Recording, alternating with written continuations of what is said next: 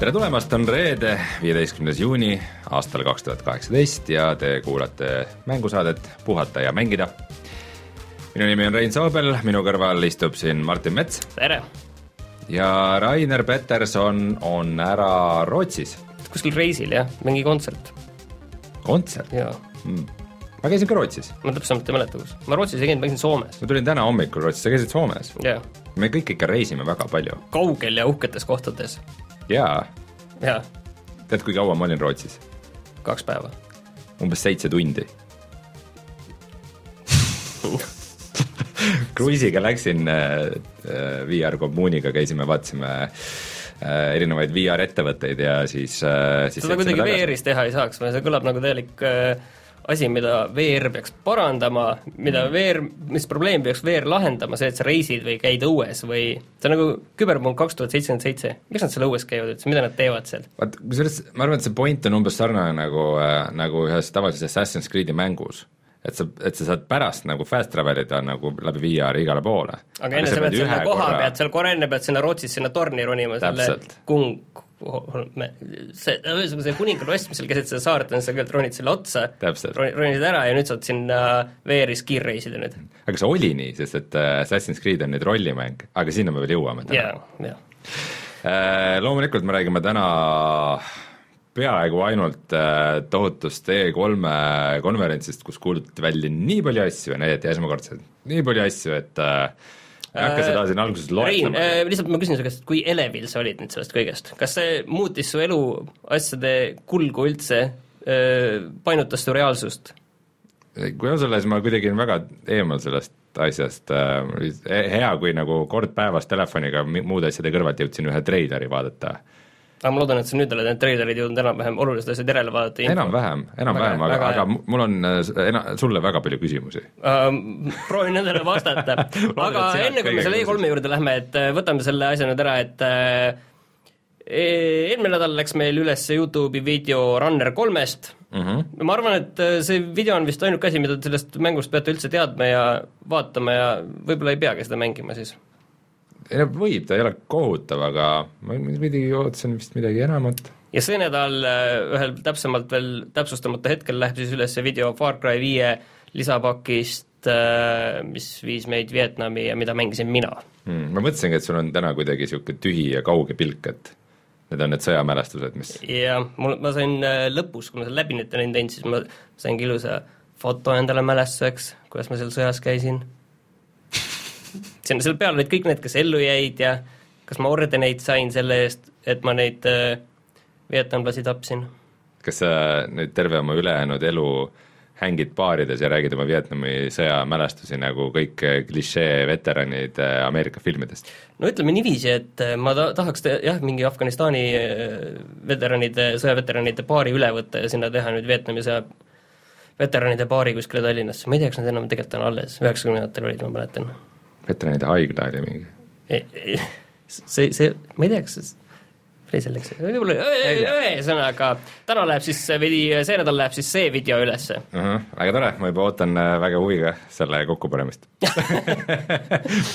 aga äh, saadet äh, toetavad inimesed, kes meid toetavad Patreonis, et meil ei ole üldse sponsoreid, me oleme nüüd täiesti sõltumatu saade me, me olime tegelikult ennem ka täiesti me olime enne ka sõltumatu, aga nüüd, nüüd me tunneme ennast ausamalt, kui me ütleme ja kellest me sõltume, ma loen ette, et me sõltume Taavist, Omarist, Kaidost, Peetrist, Uninunetust ja Hendrikust ja täname ka teisi, kes meid Patreonist toetavad. jah, ja kes, kes arvavad, et äh, meie saade võiks edasi ilmuda ja veel parem olla, siis äh, leidke meid Patreonist ülesse. Aga ma arvan, et ega me siin väga pikka sissejuhatust enam ei teegi, et äh, lendame peale ja räägime sellest E3-st, sest et rääkida on päris paljust.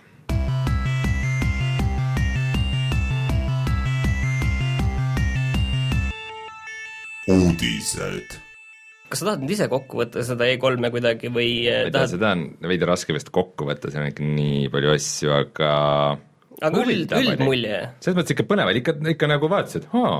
et äh, alguses tundus, et ei tea, mis sealt nüüd tuleb, aga siis ikkagi oli nii, et no ikka oli, mida vaadata, jah mm ma arvan, et äh, kõige suurem nagu valgus oli seekord äh, Microsofti peal selles mõttes, et 4K äh, on viimasel ajal nagu nii kehvasti läinud, et, et, et noh, et põhimõtteliselt oli nagu kaks varianti, et kas, kas nad lähevad sinna ütlevad, me nüüd ei viitsi enam. või, või siis ütlevad, et ei, ei nüüd lähevad asjad täitsa hulluks kätte ära ja nii palju asju tuleb ja, ja pigem vist on nagu see viimane, aga, aga see, kas äh, Xbox'i omanikel on oma Xbox'iga midagi tulevikus teha, no see, see, selle nimel mul on, mul on tunne nagu, et siin on selline show oli korralik. siin, vaata, siin olid erinevad need pressikad, on ju, see kõik alguses Electronic Arts, siis äh, Bethesda mm, -hmm. Microsoft, Square Enix, Sony, Ubisoft, Nintendo mm -hmm. ja siis olid nagu nendest nagu osad pressikad olid need, mis olid ilmselgelt nagu vaatasid tulevikku, kus me nägime seda, et milline tegelikult saab olema järgmine äh, konsoolide generatsioon mm, -hmm. see mõjutab ka arvutimänge samamoodi, aga et äh, Microsoft oli kindlalt nagu seal, et äh, milline see järgmine konsool, generatsioon olema saab mm. -hmm. et mhm. no juba, kui nad alustasid selle Halo Infinite'iga, et nad on juba mõtetega täiesti tulevikus ja noh, rääkimata sellest, et nemad olid see, kes Phil Spencer ütles lõpus välja ka, et jah, et me juba töötame järgmise konsooli kallal, me teeme seda, meile tuleb see mängude striimimise teenus, meile tuleb äh, et äh, nemad olid nagu täiesti juba seal ees, rääkimata siis see stuudiote ostmine, et see kõik on see, et nemad valmistuvad järgmiseks äh, äh, konsooli generatsiooniks ja ilmselgelt, kui nad kõike seda, mida nad õigesti teevad, on nad ka oluliselt paremal stardipositsioonil, kui tulevad siis PlayStation viis ja Xbox Two või ükskõik, mis selle nimi on, on ju, igal juhul nad on oluliselt paremas positsioonis, kui nad olid sellega, kui nad Xbox One'i välja tõid mm. -hmm. samamoodi oli tulevikus Bethesda et äh, asjad, mis välja kuulutati ja mis nüüd sellel generatsioonil tõenäoliselt ei ilmu, on ju seesama Starfield, millest väga palju räägiti, et see tuleb mm, -hmm. aga mida me tegelikult ei näinud. ja siis kumb see enne tuleb, kas Starfield või Elder Scrolls kuus? enne tuleb äh, Starfield, see ongi, Starfield on järgmise generatsiooni mäng ja peale seda tuleb Elder Scrolls mm,. ja siis äh, väga kaugest tuleb. ja Doom Eternal tuleb ka, kas see ikkagi tuleb tõenäoliselt sellele generatsioonile, sest sellest nad vist ütlesid ka, et nad äh, suvel vist annavad rohkem teada, et mis see Doom Eternal täpselt on. aga, aga räägime sellest kõigest pikemalt, aga oh, ma just tahtsin öelda lihtsalt, et teised vaata olid ja. olevikus, Nintendo oli täiesti olevikus, et mis neil see aasta tuleb ja järgmine aasta tuleb, rääkisid sellest, Sony oli põhimõtteliselt olevikus, samamoodi teevad sama asja Nad ei kuulutanud välja selliseid mänge, et mis ilmuvad järgmisel generatsioonil, kui mm. siis see Kojima Death Stranding, mis võib-olla ilmub kakskümmend kakskümmend viis või või kakskümmend kakskümmend kolm või kakskümmend kakskümmend või ükskõik millal, teadmata ajal, aga nad näitasid juba neid kõiki teisi mänge, kuigi väljalaske kuupäev ei tulnud, aga üldiselt nemad olid ka ikkagi siin veel, nad ei kuulutanud välja järgmise generatsiooni mänge, et ei tulnud udust pilti, et äh, ma ei tea, mis neil seal on, kas või Grand Turismo kaheksa siis tuleb jah, et see võiks tulla, et, et lihtsalt udust autopilti ja et noh, ilmub ka kakskümmend kakskümmend või midagi sellisel ajal, et seda niimoodi ei olnud. samamoodi oli Electronic Arts oli täiega olevikus, mis nüüd see aasta tuleb, Ubisoft oli olevikus, mis nüüd see aasta tuleb, Square Enix oli noh, pigem ka vist olevikus, seal see mingi mis see Babylon, Babylon's Fall keegi oli võib-olla kõige, ühesõnaga, pigem ka selline olevikus mm -hmm. Tomb Raider, et siin olid ka osad, see on selline huvitav aeg, vaata, et me oleme nagu juba hakkame tajuma seda järgmist generatsiooni, hakkame sinna kuidagi juba vaikselt jõudma niiviisi mm -hmm. horisondil juba näeme ja, ja valmistume selleks, et selles mõttes oli nagu äge. aga uut tehnoloogiat nagu välja ei kuulutatud ju üldse? ei, aga selles mõttes, et noh, minu meelest üldse, mis see uus tehnoloogia on, et ma arvan, kui tulevad PlayStation viis ja Xbox Two, siis ega nad on tehnoloogiliselt ennast väga väiksed edasihüpped ju niikuinii. et ainuke suur tehnoloogiline edasihüpe, mis meil on olnud, ongi ju VR põhimõtteliselt ja see ei ole ka mitte otsene edasiminek, vaid samm kõrvale ja siis sealt edasiminek mm. -hmm. et äh, nagu kas või konsooligeneratsioonid on olnud, et hüpped muutuvad aina väiksemaks, PlayStation ühest PlayStation kahe peale, kolme peale, kolmest nelja peale oli juba väga väike hüpe ja neljast viie peale ilmselt on hüpe veel väiksem. kui mingid mingit veidrat murrangut kuskilt ei tule, aga pole näha. no aga hakkame siis järjekorras äh, kõigest vaikselt rääkima, et äh, kas äh, lähme ajaliselt õiges järjekorras?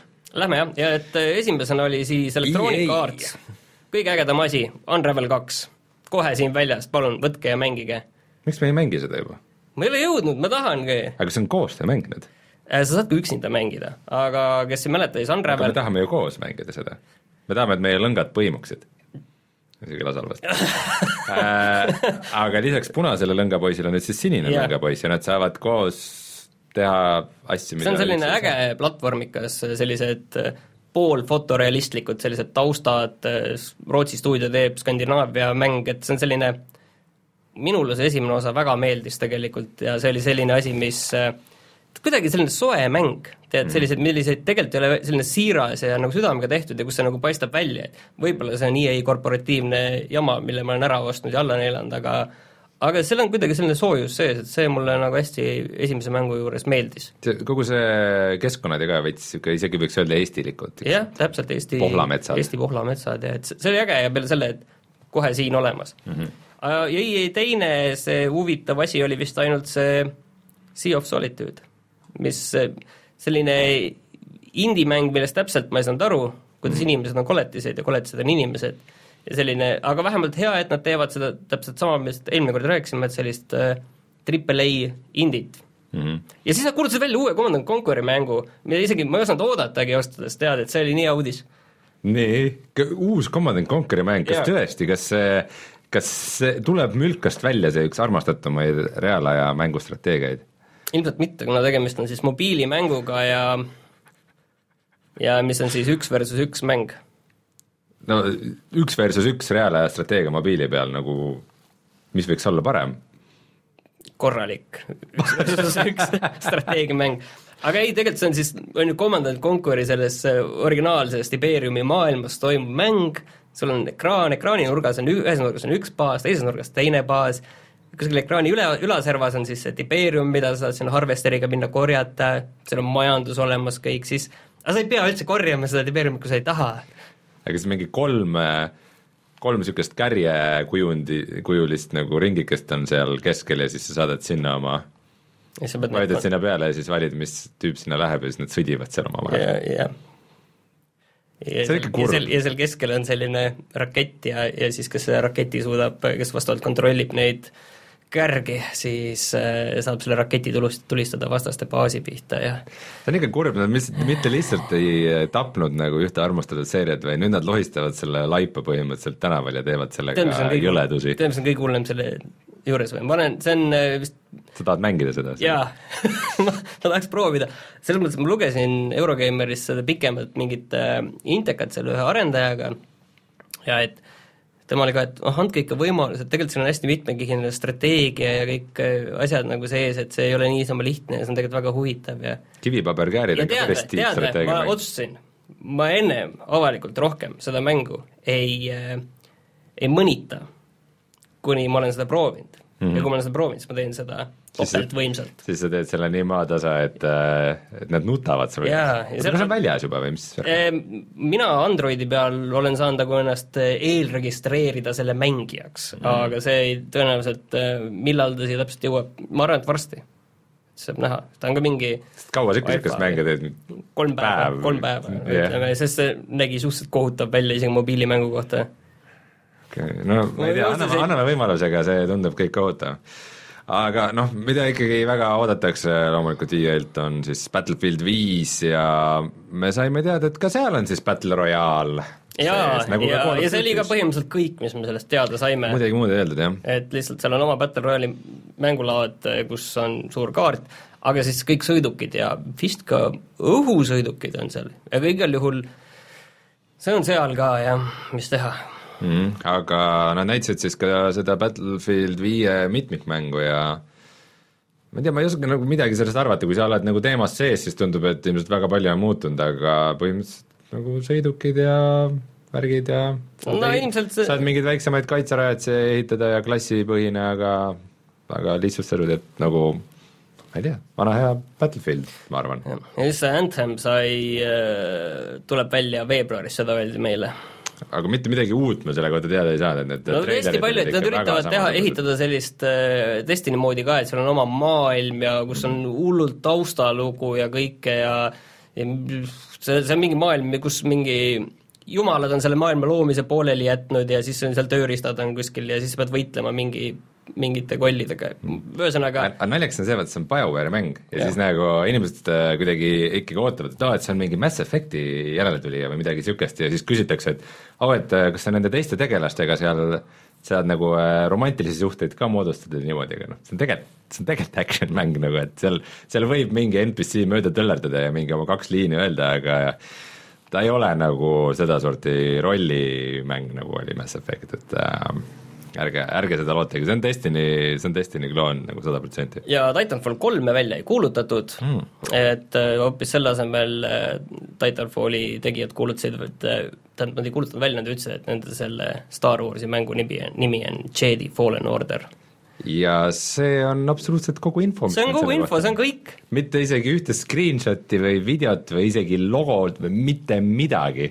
nagu kõige mõttetum nagu E3-e millegi avalikustamine üldse, sest et come on, Respawni tehtud Jedi Fallen Orderi mäng, see kõlab fantastiliselt, see võib väga äge olla.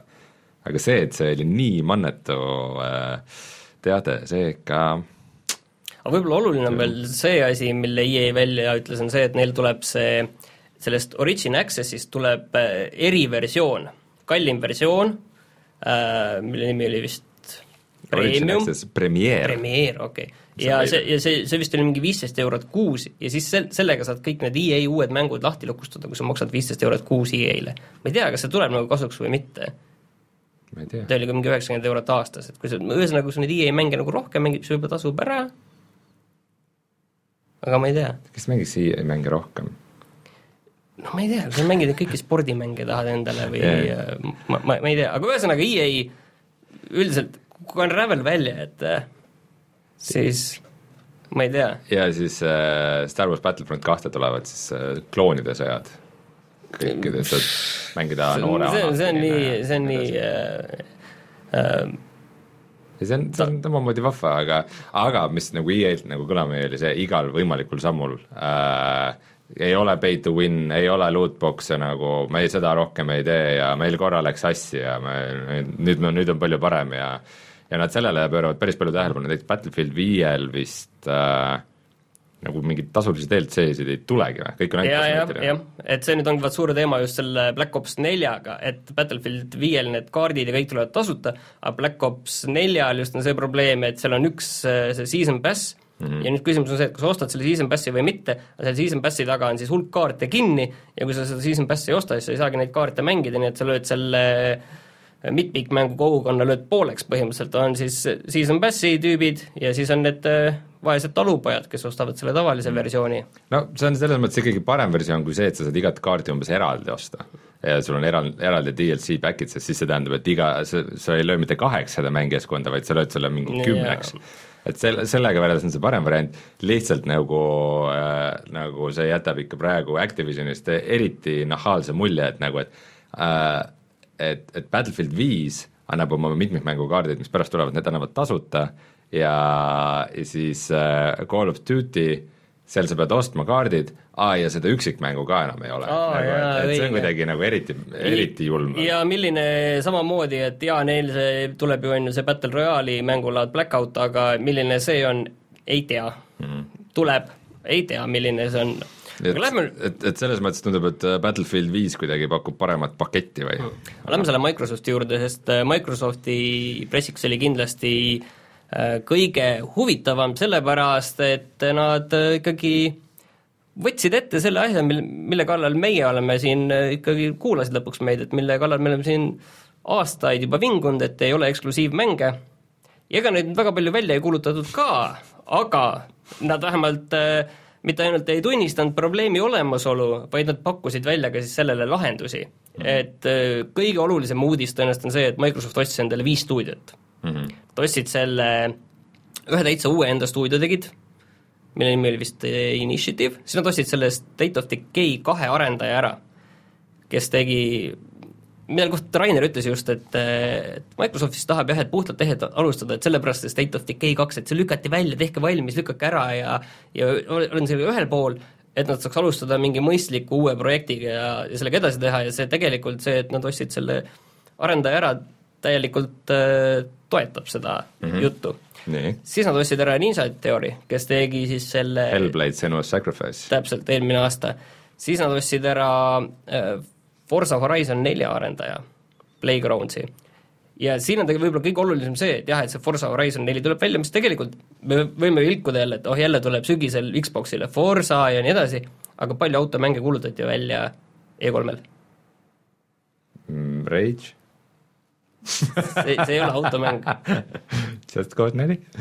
automänge. jaa, ma tean, vist ei olnudki rohkem või? Ei, no selles mõttes Crew kahest rääkis Ubisoft ka, aga noh, see tuleb kohe välja, on ju, oli ammu välja kuulutatud, või noh, eelmine aasta vist välja kuulutatud, aga põhimõtteliselt okay. minu meelest äh, see oligi ainuke automäng, mis seal tegelikult välja kuulutati.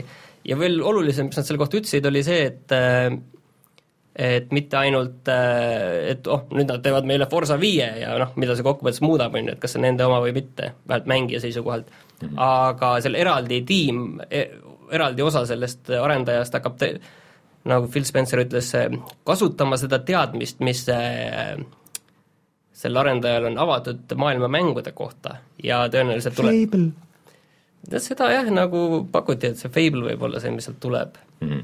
ja siis nad ostsid ühe arendaja veel ära, see on see Be Happy Few arendaja.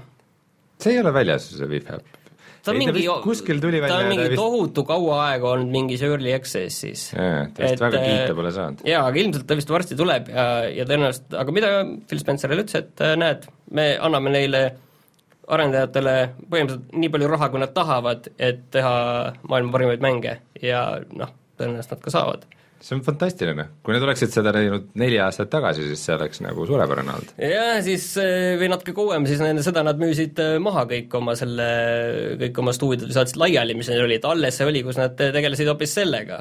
kui nad oleks, mida ma üritan väita, on see, et kui nad oleksid seda neli aastat tagasi teinud, siis meil hakkaks praegu neid mänge tulema. tõsi, tõsi, tõsi. sest et see, et nad praegu alles ostavad neid stuudioid, tähendab, et noh, seal järgmise generatsiooni keskel me hakkame nägema neid mänge mm Microsoft peale selle, mis tegelikult ei ole üldse nende eksklusiivid, aga millega nad, mis nad olid vähemalt enda pressikale kohale meelitanud, oli siis äh, pubg mm. -hmm. lumekaart tuleb. ja veel see aasta? talvel muidugi. selles mõttes minu teada ei ole Xboxi pubgil isegi seda kõrbekaarti vist veel? on küll, on, on. on on, on ja lubati ka, et seesama see, sama, see see kolmas kaart tuleb ka kohe varsti. Vietnami kaart, ütleme, Tai Tai. jah. mul ei tule see nimi meelde, mingi Sanghok või San, San, aga ma saan aru, et seal muide seal kaardi peal on need mingid äh, kilbid nüüd. aa, jaa, jah. et see, see on mingi suhteliselt suur uuendus selle kaardi peal. ja siis jah, tuleb talvekaart. et sellest on nad natuke teada, et seal väike, väiksed jalajäljed läksid kuskile ja saad mööda jalajälgi teisi taga ajada, et täpselt see, mida inimesed on tahtnud mm.. ja Äh, pubgi ei kuulutatud välja siis PlayStation nelja peale, nii et äh, tõenäoliselt suure tõenäosusega ikkagi on ka aasta lõpus ainus konsool, mille peal pubg on mängitav, on Xbox One. okei okay.. ja siis äh, Metro, Exodus. et selle kohta siis saime lõpuks teada, et millal see välja tuleb, samamoodi veebruaris, järgmine aasta. okei okay aga ma ei oska selle kohta suurt nagu midagi rohkem öelda, et väga ilus pilt oli. ta on ilus, aga ta tundub ikkagi täpselt samasugune, nagu need eelmised metrod olid, et äh, näeb välja küll nagu avatud maailm oleks, aga tegelikult äh, noh, oma olemuselt ikkagi väga, väga lineaarne mäng. Just Cause neli äh, näeb välja täpselt nagu Just Cause äh, kolm, tuleb välja selle aasta detsembris. sama peategelane, väga sarnane Lõuna-Ameerika keskkond, tornaadosid on palju treileri järgi äh,. Dying Light kaks äh,? Isegi ma ütleks, et äh, pakub huvi. aga said sa aru, mille poolest see on erinev kui äh, e-, esimene Light ja selle see lisapakk? no see oli suur uudis, et seal äh, on siis äh, mm, Chris Avalon äh,, kes on siis äh, legendaarne rollimängu kirjutaja mees, mis ta on siin Fallout kahes olnud ja sealt edasi ka väga paljudes just õnnestunud äh, rollikaprojektides äh, ja seal tundub olevat, et äh, seal mingisugused valikud, et vastavalt sellele see linn, kus sa, kus see tegevus toimub, et nagu, et see areneb nagu eri, eri moodi vastavalt sellele, kellega sa liidu sõlmid või keda sa aitad või keda sa päästad ja see nägi hea välja ka ja nagu Dying Light üks on niisugune mäng, mis ma olen nagu päris palju mõelnud, et nagu et tagantjärele, et võiks proovida, eriti nagu koopis, ma isegi ei tea, kas see teine on koopis või ei, praegu põhimõtteliselt jäi mulje, et pigem on nagu üksikmängija mäng. aga tundub kihvt ma ei tea, mul on huvi. Red Dead Redemption kaks. oota, kas Dying Light kahe väljatuleku kohta me vist ei tea midagi? ei tea yeah.. aga Red Dead Redemption kaks on siis mäng, mida ei näidatud. seda ei näinud üldse, jah. ja küberpunkt kaks tuhat seitsekümmend seitse. esimest korda siis nägime selle treilerit mm,. Jah, selles mõttes noh, mitte, mitte diiser-treilerit, nagu ja. see viis aastat tagasi oli, vaid äh,, vaid nagu treilerit sellest, et missugused tegelased seal on, missugune see maailm Missugune, on. põhimõtteliselt see treiler oli puhtalt sellest maailmast ja atmosfäärist, et see on selline äh, kaheksakümnendate stiilis tulevikunägemus äh,. kuidas see on, tundus klišee või?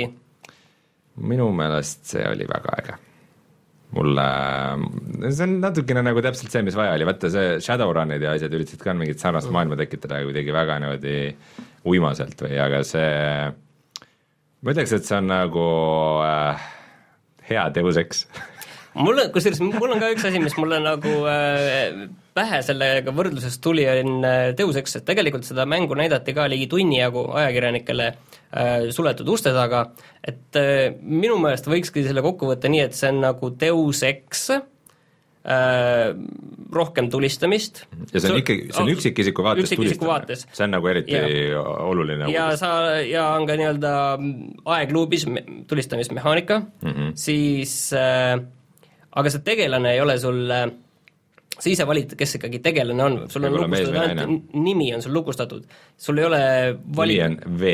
V, sul ei ole valikuid, et äh, mis on mingid tegelasklassid või seda ei ole, sa hakkad lihtsalt ise panema punkte endale kuskile mm -hmm. ja mis seda veel siis nagu Deus Exist, äh, ma saan aru, eristab, on see, et see maailm on palju-palju suurem, pigem nagu GTA tüüpi maailm või mm -hmm.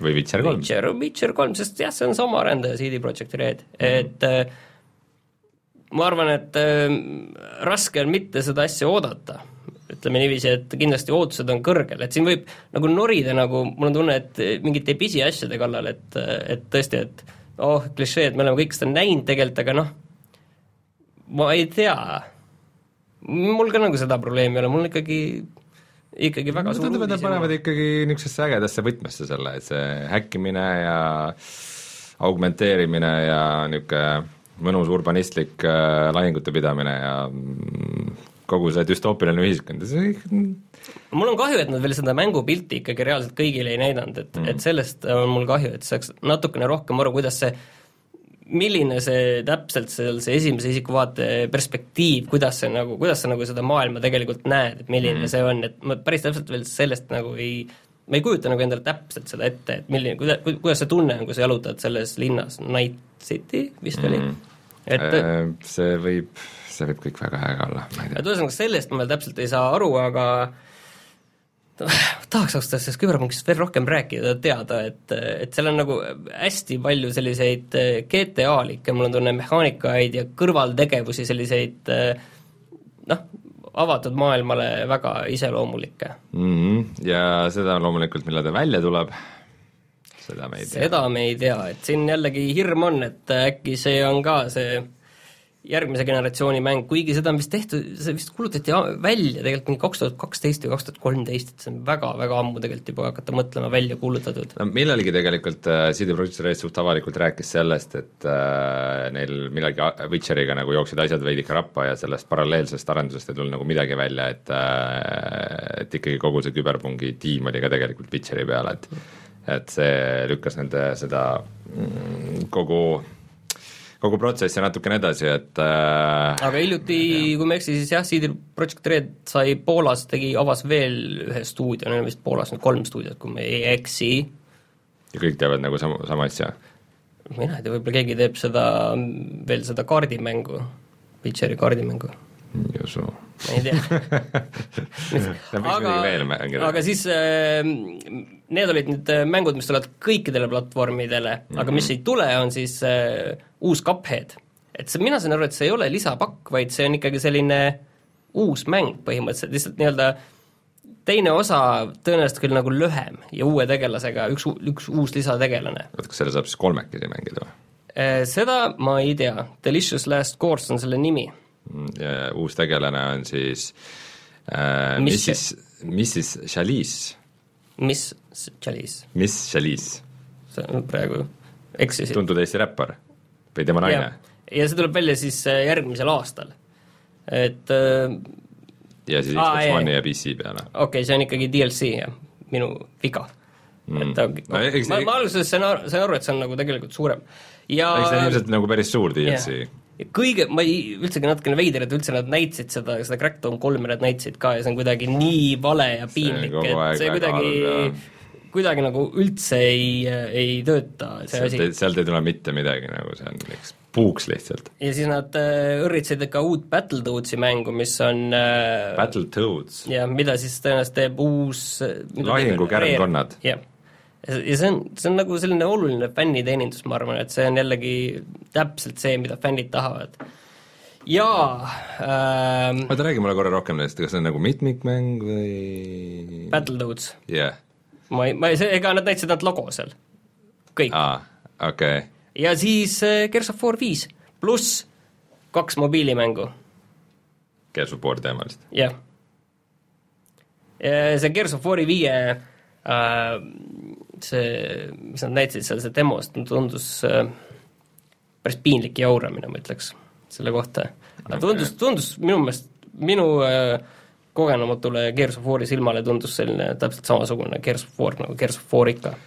no ütleme nii, et ma mängisin Gears of War nelja läbi ja Gears of War viit ma vist ei viitsi mängida. ja see tuleb välja siis järgmisel aastal, et ähm, no selles mõttes kogu see kohustuslik kava, see Gears ja Forsa ja Halo ja kõik see on ikka kõik see ikka on ja jaa, aga vaata täpselt, need viis stuudiot ongi täpselt selleks, et äh, sellest välja murda, sellest mm -hmm. ringist, et äh, et need, muidugi nendel stuudiotel on, äh, mis praegu on neil, nendel on kõige lihtsam teha neid mänge ja nendest sarjadest, mida nad teavad, et ja niikuinii, et noh, suhteliselt sagedasti on vaja neid ka välja lasta ju et mm -hmm. ma arvan, et äh, äh, Microsoft on ikka, ikka väga õigel teel siin praegu sellega ja see, selles mõttes, et nende see noh, see kogu see pressike jättis väga hea mulje, sellise ausa mulje, et mitte, et me teeme nägu, et me teeme siin maailma parimat mänguplatvormi ja konsooli ja kõike, aga tegelikult noh, sisu seal taga ei ole, sest praegu sa näed seal, et ütlesid, mis on probleem, lahendavad seda, kuidas nad lahendavad, me teeme uut Xbox'i ka peale selle. et siin nagu see kurb asi võib-olla on, et äh, kõik need head asjad ei, äh, ei jõua sellele Xbox One'ile, mis praegu väljas on, aga nagu juba öeldi, et kõik asjad on tagasiühilduvad, mida nad teevad, et uus konsool tuleb välja, siis kindlasti Xbox One'i mänge ja kõik neid teisi mänge saab seal peal mängida. Ja Microsoft on teinud väga palju uuendusi ka, et äh, kogu see Gamepassi teema, et äh, seda nad rõhutasid ikka kõvasti. jah, ja sinna tuli Fallout neli tuli kohe ja, ja midagi veel.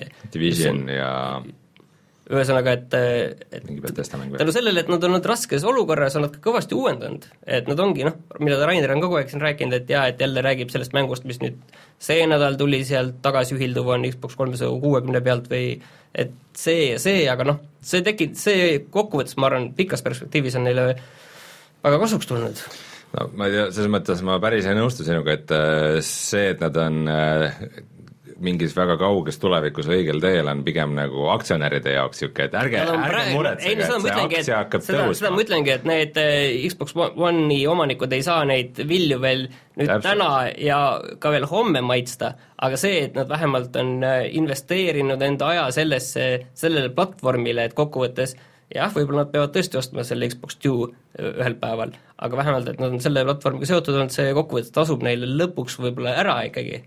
et näha, et tul-, vaata see on see, mida, mida Sony on tegelikult mõnes mõttes palju teinud, et näed, näitavad kaks aastat varem ette, et meil tuleb Last of Us Part kaks. tuleb, on ju, see on kauge selle silmapiir, aga sa näed, et ma ostan mm. praegu selle PlayStation nelja ja siis ma saan kahe aasta pärast või kolme aasta pärast või millalgi saan seda mängida, ma tean, et tulevikus on vaata kaugel need mängud, mida ma saan mhm. mängida ja need tulevad, on ju. et Xbox One'il on alati see, see horisont tund-, tundunud selline kurb ja õnnetu ja ja parimal juhul on seal uus Gears ja uus Halo on ju olnud ja ongi kõik, aga nüüd see väljavaade on nagu oluliselt parem. ma arvan, et järgmise Xboxi nimi on Xbox to you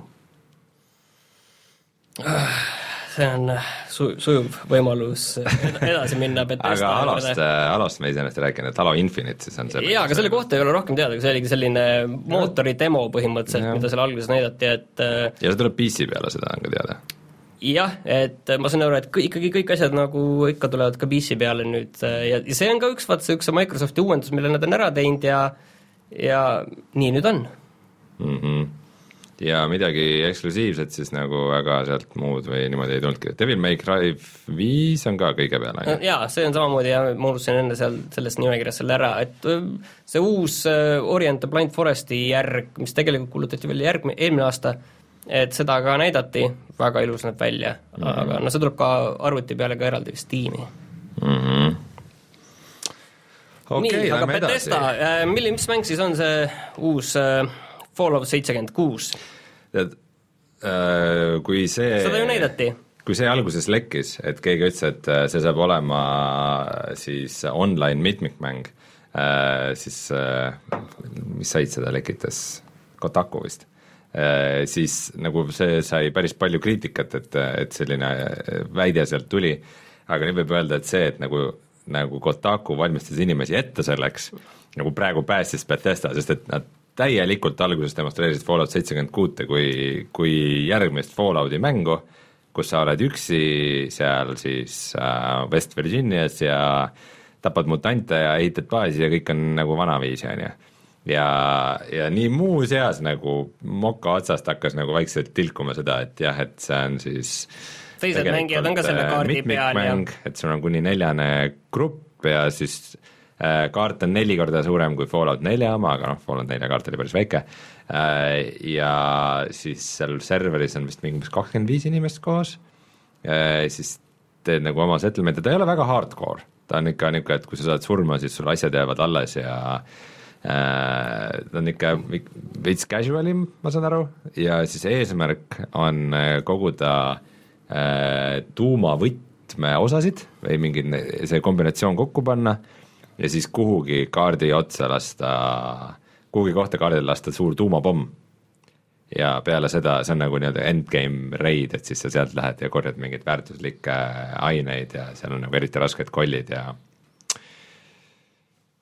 see kõlab nagu fun'ilt tegelikult, ma nagu kogu aeg olen tahtnud mängida mingit äh, mängu nagu Rust või Ark või vaata, kus sa nagu ehitad ja ja noh kas see on nüüd nagu selline triple A äh, Rust või? Või vist jah. ja see tuleb välja siis juba sel aastal? jah, selle aasta lõpus ja ei, mul on hea meel näha, et sa oled, sa oled nagu rõõm, rõõmus natukene ikkagi selle üle, selles mõttes, et äh, ma, ma nagu ei tea, mida oodata, aga, aga nagu olen ta nägi välja, ta nägi välja suhteliselt Fallout neli, on ju? ta nägi välja Fallout neli, mis on niisugune veidikene lopsakam, äh, et äh, sinna West Virginia kanti väga nagu tuumapomme vist otseselt ei kukkunud, et pigem äh, pigem et see radiatsioon alles vaikselt nagu hakkab nagu mõjutama seda. aga tänu sellele, et see on hästi värske äh,, siis maailma lõpu ajastu, see tähendab, et äh, need elukad, keda sa kohtad, on nagu need äh, mutatsioonid on väga metsikud, et need on need mutandid, kes olid nii muteerunud, et nad ei jäänud nagu ellu ah,. Okay. et äh,, et need on need täiesti käest ära mutatsioonid aga kõik see baasi ehitamine nende vastu ja nagu mingi majanduse käimapanek ja ma ei tea, seal on potentsiaali.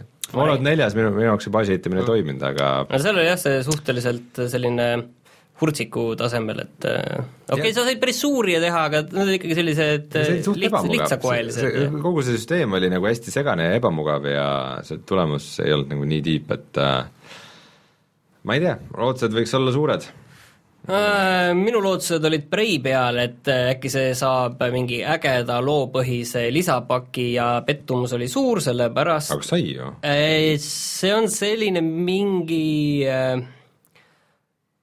pisikene rogu-like laadne mingi mäng, mida saad nagu lõpmatuseni korrata, erinevad tulemused tulevad välja ja see ei olnud nagu üldse see, mis ma tahtsin. ja sealt tulid mm. mingid DLC-sid tuli veel, mis nagu New Game pluss ja, ja mingi survival mode ja mingid asjad, need ei olnud üldse need, mida ma tahtsin, ma tahtsin seda, milles see Prey oli tugev just mm, -hmm. et sellises loo jutustamises ja enda tegelase ikkagi ka ehitamises. et sa tahtsid nagu Dishonored'i lisa, et selliseid tüüpe rohkem? jah, ma tahtsin, tahtsin midagi ägedat, mitte mingit, tahtsin lugu ja seal mingi, mingi VR-jubin oli ka siis nii Brail kui ka Wolfensteinil, mis äh, tegelikult peab ütlema, et selles osas oli pettumus, et kui eelmise aasta E3-l nagu Bethesda oligi kogu VR-i presence, siis see aasta nad äh, kuulutasid välja kaks seda asja, mida seal näha, näha ei taha, ehk siis äh, mingid mini VR mis see Wolfenstein äh, Cyberpilot on, et see sai ta põhimõtteliselt VR häkkimise minimäng või midagi sellist, väga ei süvene. ühesõnaga ei, ei tundu nagu huvitav, aga Doom Eternal kuulutati välja ja seal näidati ka lihtsalt äh, väikest treilerit, ilmselt see on äh, lihtsalt rohkem seda uut reboot itud Doomi mm, -hmm. mis ja..., mis oli päris, päris hea. mis on okei okay. ei, see oli väga hea tegelikult, mulle, mulle meeldis, see oli väga hea aga noh, eks mul, mul on olnud siin teatud virinad sellega, aga, aga tundus, et nagu neid uusi, mis seal treilidest oli kindlasti näha, oli see, et nagu uued need kollitüübid, mis on vist ikkagi Doom kahest vist siis võetud või? no ilmselt jah. et, et, et, et ikka seda vana head materjali tänapäevastavad äh, jõuliselt. Äh, üks äh, Wolfenstein tuli veel, mis on päris veider selles mõttes, et et seal on siis peategelaseks äh, Äh, selle BJ Blaskovitši tütred, see on koopmäng. kaksiktütred või? issand jumal, väga huvitav. Et see, ma ei osanud nagu selle kohta ka väga seisukohta võtta, kuna selle kohta väga palju infot ei tulnud, ja siis olid needsamad mängud, mida me alguses rääkisime ka, mis on kuskil kaugel-kaugel horisondi taga, mis on äh, järgmine generatsioon, on Starfield ja Elder Scrolls kuus, ehk siis äh, need veits soliidsemad rollikad noh, selles mõttes on isegi naljakas, et nad nagu nii palju ette selle Elder Scrolls kuue välja kuulutasid. eriti vaat sellepärast, et Betesta ongi tuntud selle poolest, et noh, E3-e kuulutame mängu välja ja sügisel tuleb see välja, olnud sellises hästi lühikeses väljakuulutamise ja väljalaske tsüklis. et arvatakse, et see, mis Elder Scrolls kuue nagu välja kuulutasid, on niisugune nagu varane selline damage control, et äh, kui nad oleks kõik need asjad välja kuulutanud, mida nad kuulutasid, äh, siis, ja ei oleks Elder Scrollsi välja kuulutanud, siis oleks kõik olnud kindlad, et mingit Elder Scrollsi kunagi ei tule. ja see, et nad selle välja kuulutasid varakult, näitab, et nad ikkagi teevad, et nad ei ole seda seeriat unustanud, sest noh, Skyrimist on nagu päris kaua aega möödas ja Skyrimi üle tehti ka natukene nalja kuulutati välja siis äh, Skyrim Very Special Edition, äh, mille kohta siis äh, üks see Key and Peele'i tüüp siis oli teinud niisuguse sketš-reklaami, kuidas ta mängib seda Amazon Alexaga, on Alexa see yeah. Amazoni see asi, et see on siis nagu tekstipõhine, et ta räägib ja siis Alexa räägib vastu ja see tundus kõik niisugune ha-ha-nali, ainult et see on päriselt, see tuli päriselt välja ja seda saab juba mängida. Microsofti koha peal ma unustasin ühe asja ära, see, et äh, tead, mis, mis mängust nad üldse ei rääkinud ja millest äh, nad oleks pidanud rääkima, Age of Empires neli. et kust see kadus, see äh, tekitab muret. eelmine aasta nägi ka ainult selle concept art'i, nii et jah, sisu nagu midagi ei näidatud. aga Betesta, ma arvan, et et ma ei tea. aa, üks VR asi tuleb veel nimelt, et teevad äh, Nad teevad mingi spin-off Elder Scrollsi teemalise rollimängu nimega äh, Elder Scrolls Blades ja mida saab, mis on mobiilimäng, aga seda tuleb nagu ka arvutis mängida. tuleb nagu tuttav ette, ei, me ei taha midagi kuulda sellest aastast. ja VR-is. aga see on mingid, äh, see nagu selle kohta vist ikkagi näeb okei okay välja ja ja seal on vist mingid random, randomiseeritud dungeonid, kus sa saad möllata, et äh, ma ei tea, kas ma vist ilmselt mingi hetk ikka proovin seda, kui ta tuleb. Okay.. Äh, kui ma siin VR-ist juba jahun, siis ma räägin ühe asja ära, sest ma ei unustaks seda, sest ta tegelikult kuulutati välja enne E3-e, äh, vahetult peale eelmise saate lõppu nimelt äh, PlayStation VR-i üks äh, kõrgemani hinnatud mänge nimega Moss, äh, väikse hiirekese seiklusest, mis nagu, mis saab nagu ainult igalt poolt kiidusõnu, et see on nagu fantastiline niisugune muinasjutu seiklusmäng. On nüüd väljas ka PC VR-i peaseadmetele, siis täpsemalt Oculusele ja Vive'ile, aga mitte Steamis, vaid ta on Oculus Store'is ja Viveportis ehk siis HTC selles enda keskkonnas uh., mis on nagu väga veider, arvestades, et mul on praegu Oculus ja Vive'i enda ja keskkond peakski olema Steam, kuule. ei ole, sest et see ei ole äh, loogiline, ma ei taha kuulda mingit sellist jama.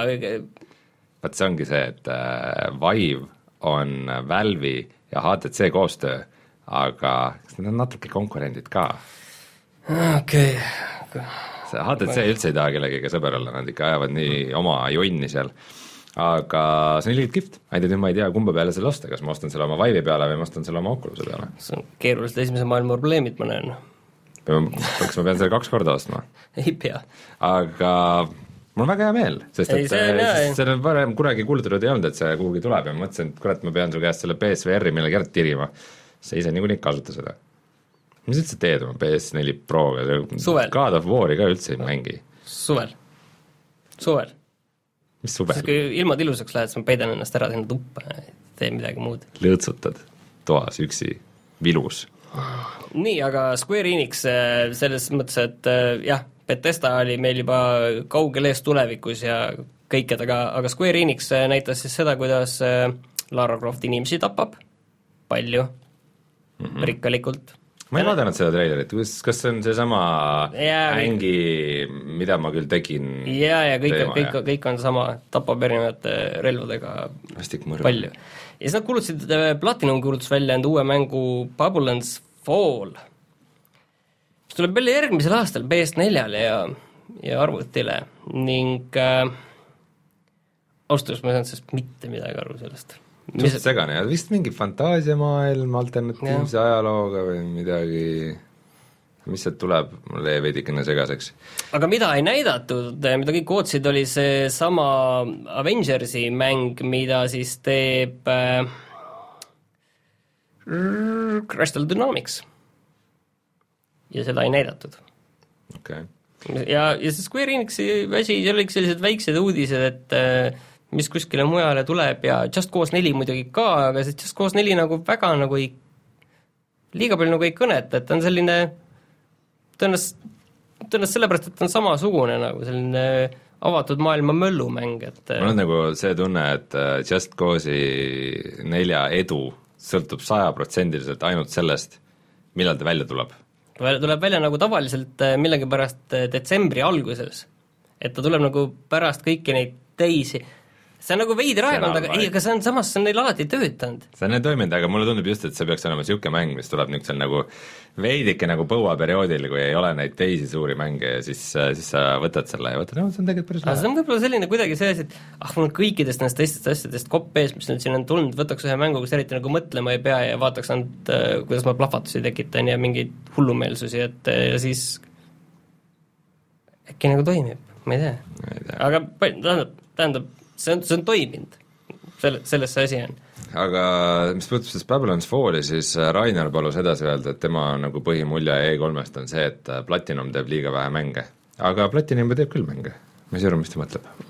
no ta lootis veel midagi veel vist saada, uut Bayonetat niikuinii või ma, ma ei tea. see nali oli vist tegelikult see, et Babylon teeb, kuulutas mingi neli mängu välja või?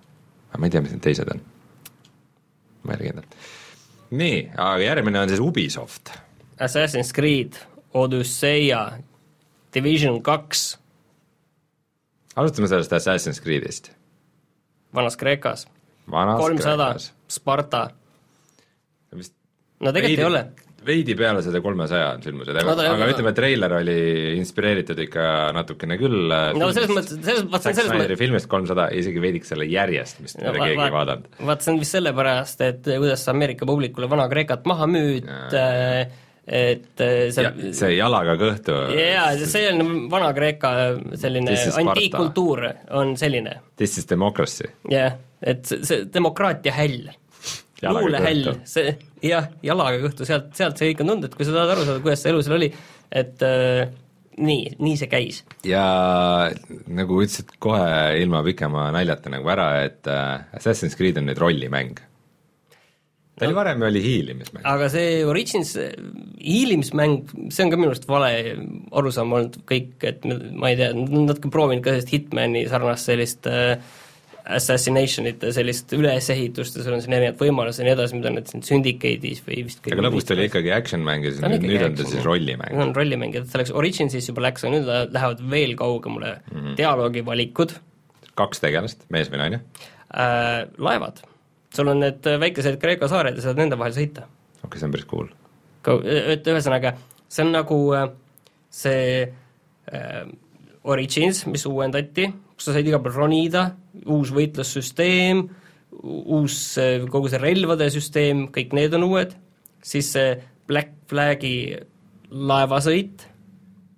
aga seda, seda nagu Assassin's Creed oli väga vähe, et üks, treilis üks oli, koht oli, kus tal tuli nagu siit varrukast tuli äh, tera, terarelv välja terava otsaga, see oli, see oli Leonidase oda ots ühesõnaga, mina sain, mi, mina sain aru, et seal väga palju ei olegi enam alles seda Assassin's Creed'i nimi niivõrd palju. sul peab randmetest nagu mingi terrorist välja tulema, muidu ei ole üldse mõtet seda Assassin's Creed'i see on, see on, see on uuendus.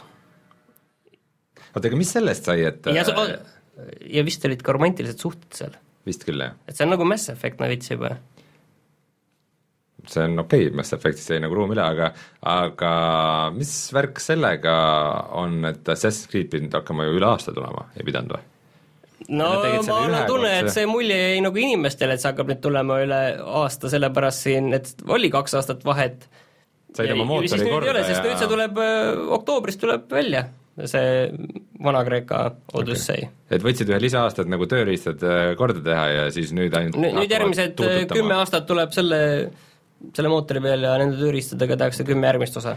no vot see jama on, et äh, mul noh, see on täiesti minu probleem muidugi, aga aga see Origins ka nagu, ta nägi ka nagu ilgelt ilus välja, eks, ja see ajalooline Egiptus ja Kreeka ja see kõik ilgelt meeldib mulle, ja minu, minu nagu see huvi kaob nii, kui ma näen seda võitlust. et ma ei tea, mis Assassin's Creed'i mängudel on, on see jama, et äh, nagu see motion capture on kuidagi nii süngist väljas või et nagu, et tüüp lööb nuiaga ja siis, siis ta kuskilt meetri kauguselt ilmub sinna nuia külge ja värk see on? ei tea, tegelikult see, see võitlussüsteem Originsi puhul vähemalt noh, mängides minu meelest ta läks Mängus nagu paremaks jah, sest ta on selline täpselt see jah, et sul on need animatsioonid ja need lukud, on ju mm, -hmm. et kui mingi löök toimub ja blokeerimine ja kõik see, et aga kui sa seda mängid, siis sa nagu tajud, saad sellest loogikast aru, miks see nii on ja kuidas see on ja mis sa tegema pead ja kuidas sellest, pigem see vana probleem oli see, et äh, sa vajutasid nuppe ja siis nagu järjest need äh, löögid tulid kuskile ja rapsisid ja sellist, äh, vaat seda rapsimist enam Originsis minu meelest ei olnud, et see oli pigem nagu su tegevus oli väga läbimõeldud nagu Dark Soulsis, et sa iga löögi ja mõtled välja, et ja nüüd ma löön, löön, põiklen, löön tagasi, edasi, plokk, mm, -hmm. et, et samamoodi pigem selline väga konkreetne, et kuigi seda võib välja näha veits selline jah, selline loid, nagu, nagu vaata, Dark Souls näeb ka selline natukene robustne ja selline nurgeline välja. aga mängib hästi. aga mängib hästi, on ju, kui sa tuled mm, -hmm. et ma arvan, et et selles mõttes nad on vist nagu pigem õigel teel, et vana, vanasti oli selline jah, selline kehv animatsioon ja selline, aga samas nagu selline sujuv pudru okay.. pigem no, ma arvan, et see sa veidi tekitasid mu suvi sellega. aga Division kaks algas treiler džunglis ja siis tuli välja, et see on hoopis äh, botaanikaaed Washingtonis, et New Yorgist on kolitud Washingtoni. mis seal veel uut on? Äh, seal on uut see, et need, sa seal oma tiimiga oled ja möllad, siis need tiimikaaslased räägivad väga viisakalt ja nad on väga toredad inimesed, nagu sealt mängudemost aru sai, et ähm, kõik on sõbralikud, patsutavad äh, õlale, keegi ei ütle sulle, ütleme, ma tahaks, et mul oleks sees koos ka sellised mängukaaslased, hei, mis teed seal, ootad või? oo vaata, seal on Lähme. see level üks vastane. Ma võtan teda küljelt. Oh, et, et, ähm, et kas me lähme A-sse või lähme B-sse pommi panema, ma ei tea. oot, oot, oot, andke mulle aega, ma ostan veel relvi endale, ma ei tea praegu, mida valida. oot, oot, oot, aeg on. Lähme, kas sa tuled ka, täpselt selline miks ei ole nii ilus elu igal pool, kui sa mängid koos kellelegi? see mulle jäi kõige rohkem millegipärast nagu sealt mulle jäi kõige rohkem meelde, keegi ei ütle sulle urood. aga mis mängus siis teistmoodi on? Ma päris täpselt ei saanud aru ma, see, see mäng nagu kaotas mind sel hetkel, kui äh, see, see audio oli täiesti ebarealistlik. aga võime siis öelda, et äh, see tuleb välja kaks tuhat üheksateist aasta viisteist märtsil. ja loodetavasti on nad siis õppinud esimesest osast äh, ja seal on nagu rohkem nagu endgame'i, ehk siis et seal nagu mängu lõpupoole on ka midagi teha, mis oli esimese ilmselt kõige suurem probleem, et alguses mm. oli vist maailma kõige popim uus mäng üldse ja paremini müüv ja siis kahe kuu pärast ei mänginud mitte keegi. Mario ja Rabbitsi see lisapakk Donkey Kongiga tuleb siis välja juba sel kuul, päris suur lisapakk. kas sa hüppasid juba Nintendo juurde? ei, see on Ubisofti mäng, sellepärast, aga vaata, Beyond Good and Evil kahe uus treiler tuli nee. ja seda mängu vist näidati, ma saan aru, ka kuskil suletud uste taga okay., aga seal on aru oli saada, et äh, see mäng ei tule välja veel üldse mitte niipea. sellepärast, et samas nad kuulutasid välja ka, et äh, kas sa tahad aidata meil seda mängu teha. Kickstarter või? ei, see on mingi eraldi, see mingi platvorm on, mille nimi mul ei tule praegu meelde, kus sa saad äh, aidata seal teha asset eid sellele mängule ja heli ja igasuguseid erinevaid asju. Jesus Christ. ja kui mingi asi, mis sa seal valmis teed, läheb sinna mängu, siis sulle makstakse ka raha selle eest ja ühesõnaga, see mäng ei tule veel niipea välja see, ma, et ja, me teame, see on see vene, et me teame küll, mis mäng see tuleb, aga ma tahaks, me tahaks teada, mis teie arvate pakkuge meile neid ideid ja, ja siis tehke tööd meie eest ja muidugi me maksame teile mingi väikse royalty ka siin, kui te midagi valmis teete, mis meile, meie meelest sobib ja ongi kõik okay.. teevad ainult sinemaatilisi treilerid ühesõnaga? ja rohkem nagu Ubisoftil ei olnudki, et Ubisoftil oli, ei tulnud uut äh, seda, mis see häkkeriga mäng oli nüüd? Watch Dogsi. ei tulnud, e-, et äh, ei, nagu sellist kaugele vaatavat asja ei olnud üldse midagi, et Skull and Bones on neil vist kõige kaugem mäng, mida nad näitasid ja mis seal oli, et ega rohkem ei olnudki. ja üks oluline asi oli veel puudu mm, -hmm. Splinter Cell, mis oli siis see äh, Walmarti see juba legendaarseks saanud leke, kus oli olemas ka Splinter Cell ja seda ei tulnud. teised asjad nagu läksid täppi, nii et äh, Borderlands kolm ka ei tulnud ei no seda nad ütlesid ise ka. jaa, vaata, nad on öelnud, öelnud kõike, aga lihtsalt, et ei tulnud ka seda. et see oli väga huvitav, kuna just Wildlandsis ju tuli Sam Fisher ja, ja kõik tundus mm. loogiline, et äh, tuleb tagasi, aga võib-olla siis Gamescomil. sest ma arvan ikkagi, et see võib-olla lihtsalt jäeti Gamescomi jaoks. kui rääkida Borderland kolme, Borderlands kolmest, siis äh, naljakas on see, et noh, Rage kaks on ju põhimõtteliselt, nüüd näidati nagu seda mängu ka, ja põhimõtteliselt on Borderlands eks uh. -huh.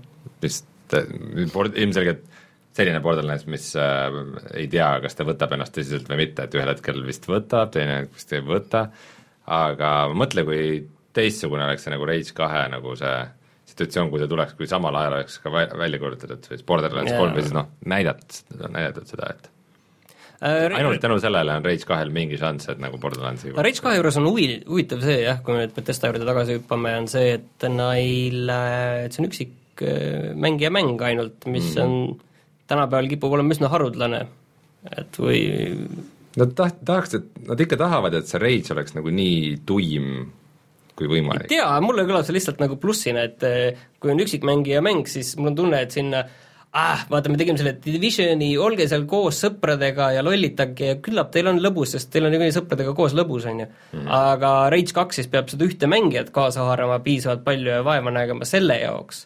Ja siis äkki nad näevad nagu selle võrra rohkem vaeva.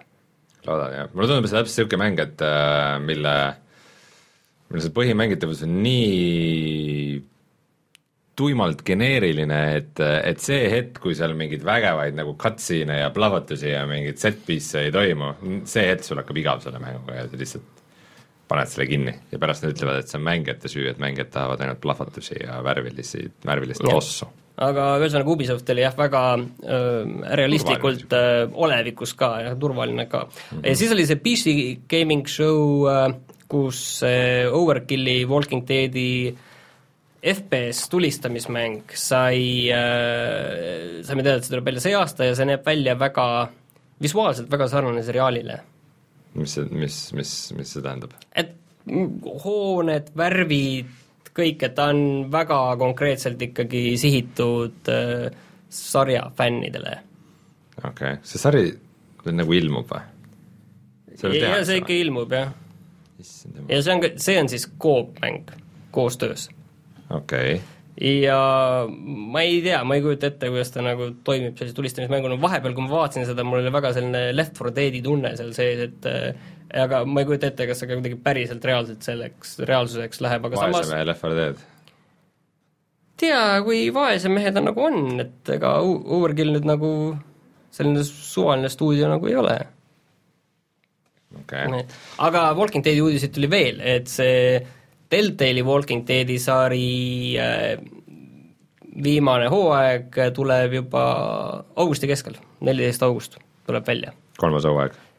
see on siis nagu neljas hooaeg, neljas? jah. see vahepeal oli üks veel, üks hooaeg. aa, see mul läks juba meelest. ja siis äh, ja sa ikka mängid seda, on ju, sa katsed ikka mängida? jaa, jaa, ei muidugi, ma teen selle Clementine'i loo, ma teen ikka läbi ja, ja sa oled juba liiga investeerinud. ei, selles mõttes, mis eriti on, ongi see, et kui nad ütlesid välja, et see on kõik, lõpp, rohkem nad, se-, sealt see lugu nagu lõpeb, et selles mõttes eh, see mind innustab et, et ma see saab kunagi läbi. et ma saan selle lõpu teada. aga Deltale kuulutas ka koos Netflixiga välja, et eh, Stranger Thingsi eh, mäng tuleb neil välja järgmisel aastal ja The Wolf Among Us kaks, mis pidi esialgu ilmuma see aasta, lükkus edasi järgmisesse aastasse okei okay. ja Stranger Thingsi äh, mäng siis tõenäoliselt on äh, selline, et, et jällegi need noh, nagu nad teevad, et sarjategelased ei ole seal peategelased, vaid see toimub samas maailmas ja no, natuke God. lihtsalt niiviisi ristuvad seal nende teed või kuidagi näed, et aa, see on see tegelane, keda kes, seal oli täiesti ebaoluline tegelane seal seriaalis, ma nägin teda siit silmanurgast praegu või ta ja nüüd räägib tal, või nüüd tal on mingi oma stseen, kus ta räägib Jah. mingit tuima asja ja sa tead, et temaga mitte midagi ei juhtunud. ma juba vihkan seda. et see on nagu Game of Thronesis, see on seda. nagu The Walking Deadises kolmandas hooajas oli ka nii, et seal oli üks sarjatüüp järsku kuskil sees ja eriti mõttetu sarjatüüp. et aga, aga et noh, seal on samamoodi. ja siis Netflixi tuleb ka see, mida vist vaat kaua aega tagasi juba Deltail rääkisid, et tuleb see super show formaat, et see on nagu selline interaktiivne äh, teleseriaal, kus sa saad teha valikuid. et sellega tuleb nüüd selle, sellest Minecraftist, mida on kaks hooaega Deltail teinud, et sellest pannakse kokku mingi Story lühem mode. ja story mode, sellest pannakse kokku mingi lühem viieepisoodiline variant, kus sa saad, nagu ma saan aru, Netflixis äh, vaatad seda ja siis teha käigu pealt valikuid et vaadata, kuidas see seriaal nagu edasi läheb. et nad viivad sellesama, selle formaadi viivad siis äh, telekasse või seriaalimaailma, mida nad teevad, et ma ei tea, sa, ma, ma näen su entusiasmi niiviisi mind huvitab see, et kui me siin räägime, et äh, Microsoft või EA tahavad teha mängude Netflixi, et äkki Netflix teeb mängu Netflixi. aga enne unustasin ära, et see Overkill on vaata ju Payday arendaja, et ega Paydayl vaat sellise Left 4 Deadi stiilis äh, tulistamise ja sellise strateegia, neil nagu seda kogemust on tegelikult ju, Payday on, seal on oma selline hapu nägu. ma ei näe, mis, mis aru, mis nägu sa teed, aga ei, ma seal ei on tea, Payday, see oli nii tuim või kuidagi Payday'ga, et seda mängida, sa pead kuidagi leppima, et see on mingi kolmanda järgu mäng, mäng, aga et see on nagu okei okay. et siis, siis sa saad, see feel selle kõik oli nii vale. ma ei et see on halb mäng, aga lihtsalt äh, noh, Left 4 Deadiga on ta ikka natuke erinevast kategooriast. aga seal PC show'l siis ka nägi vähemalt ühte VR-mängu äh, mida siis teevad koos äh, Oculus ja Insomniac, ehk siis Oculus maksab rämedalt Insomniacile, et nad teeksid mängu aga oot-oot, see on avatud maailma mäng mille nimi on Stormland mm. -hmm. kuidas need avatud maailma mängudega üldse VR-is on, et ma, mis on nagu ainult VR-i jaoks tehtud, et jaa, Fallout ja see Elder Scrolls viis on ju, aga kas muidu on ka midagi sellist avatud maailma mänge? Mm, ja need mängud on tehtud ju varem, need on lihtsalt porditud VR-i. äh, hea küsimus, mul otseselt pähe ei torka, kindlasti midagi on, aga ilmselt noh, vaata jama ongi selles, et sageli need VR-mängud on niisugused väiksed nagu demod ja siis nad on kuidagi ruumiliselt ka piiratud kuhugi või siis on väga lineaarsed ähm, ma arvan, et äh, väga on vaja niisuguseid, niisuguseid VR-i eksklusiivmänge, kuhu on pumbatud natuke rohkem raha ja aega ja talenti. ja Stormland on selle nimi ja sa mängid siis äh, robotit äh,, kes saab vahetada välja enda osasid ja vastavalt sellele saab uusi võimeid, et võtad mingi uue käe või see tuletab mulle meelde seda mängu, mida sa ja ja liigub mängisid lennates. ah, maa kohal hõljudes. see tuletab mulle meelde natuke seda mängu, mida sa mängisid, Wilson's Heart. jaa. kuidagi sealt tuleb mingi paralleel mul praegu. seal oli jah see, et sa said oma südame välja võtta ja seda visata. väga praktiline ma ise seda ka... ei teeks, aga ütleme, et mängus võib olla huvitav. aga seal oli ka üks moment, kus, kus su käsi asendati puust käega, see oli väga võigas äh,. Aga iseenesest väga mõnus originaalne äh, idee äh, VR-mängu jaoks ähm,, paraku see üks Eesti VR-arendaja oli väga kurb, kui ta seda kuulis, sest et ta oli just täpselt niisugust mängu tükk aega arendanud, täpselt sama ideega et äh, näpati ära ta käest see mm..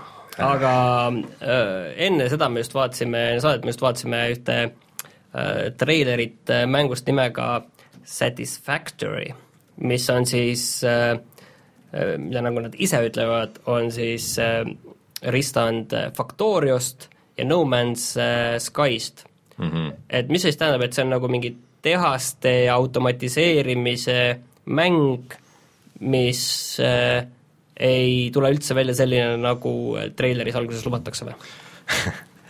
Äh, jah, tähendab, et see treiler on kõik vale, sest tegelikult see oli päris ambitsioonikas treiler, see see nägi väga, väga uhke välja, ta nägi selles mõttes, et ta, ta näeb välja nagu No Man's Sky ilma selle lolli püstolita esiteks, mis sul on, vaid sa kogudki materjale niiviisi võtad.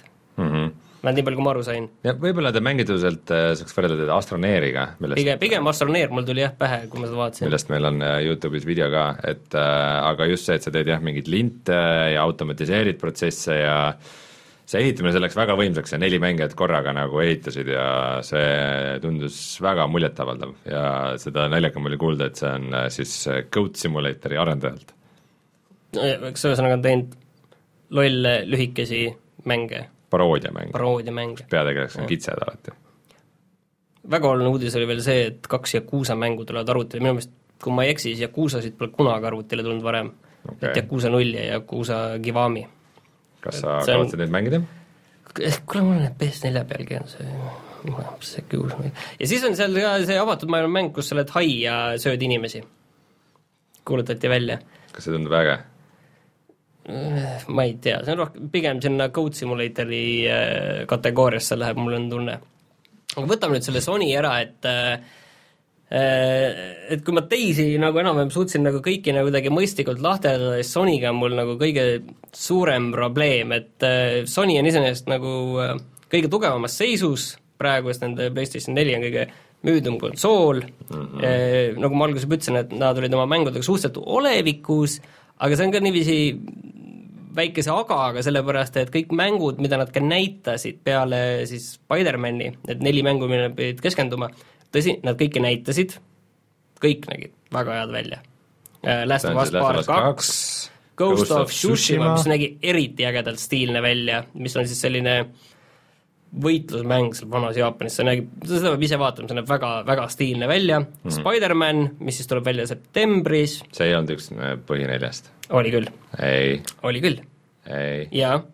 põhineljas oli veel Death Stranding. ja see oligi, see Death Stranding ongi neljas ja kõik. jaa. aga ütleme, et Spider-man on ainuke, millel me siis teame, millal see välja tuleb. et äh, ülejäänud kolme kohta ei ole teada, millal nad tegelikult välja tulevad mm et äh, niiviisi juba natuke Sonyl nagu see sügis hakkab natukene õhemaks jääma, et ei, ei tea, et Days-Gone oli ka jär-, lükatud järgmisesse aastasse. Ja Sony probleem on tegelikult äh, veits see, et äh, kõik on väga sarnased mängud, väga, väga nagu samad mängud mm. -hmm.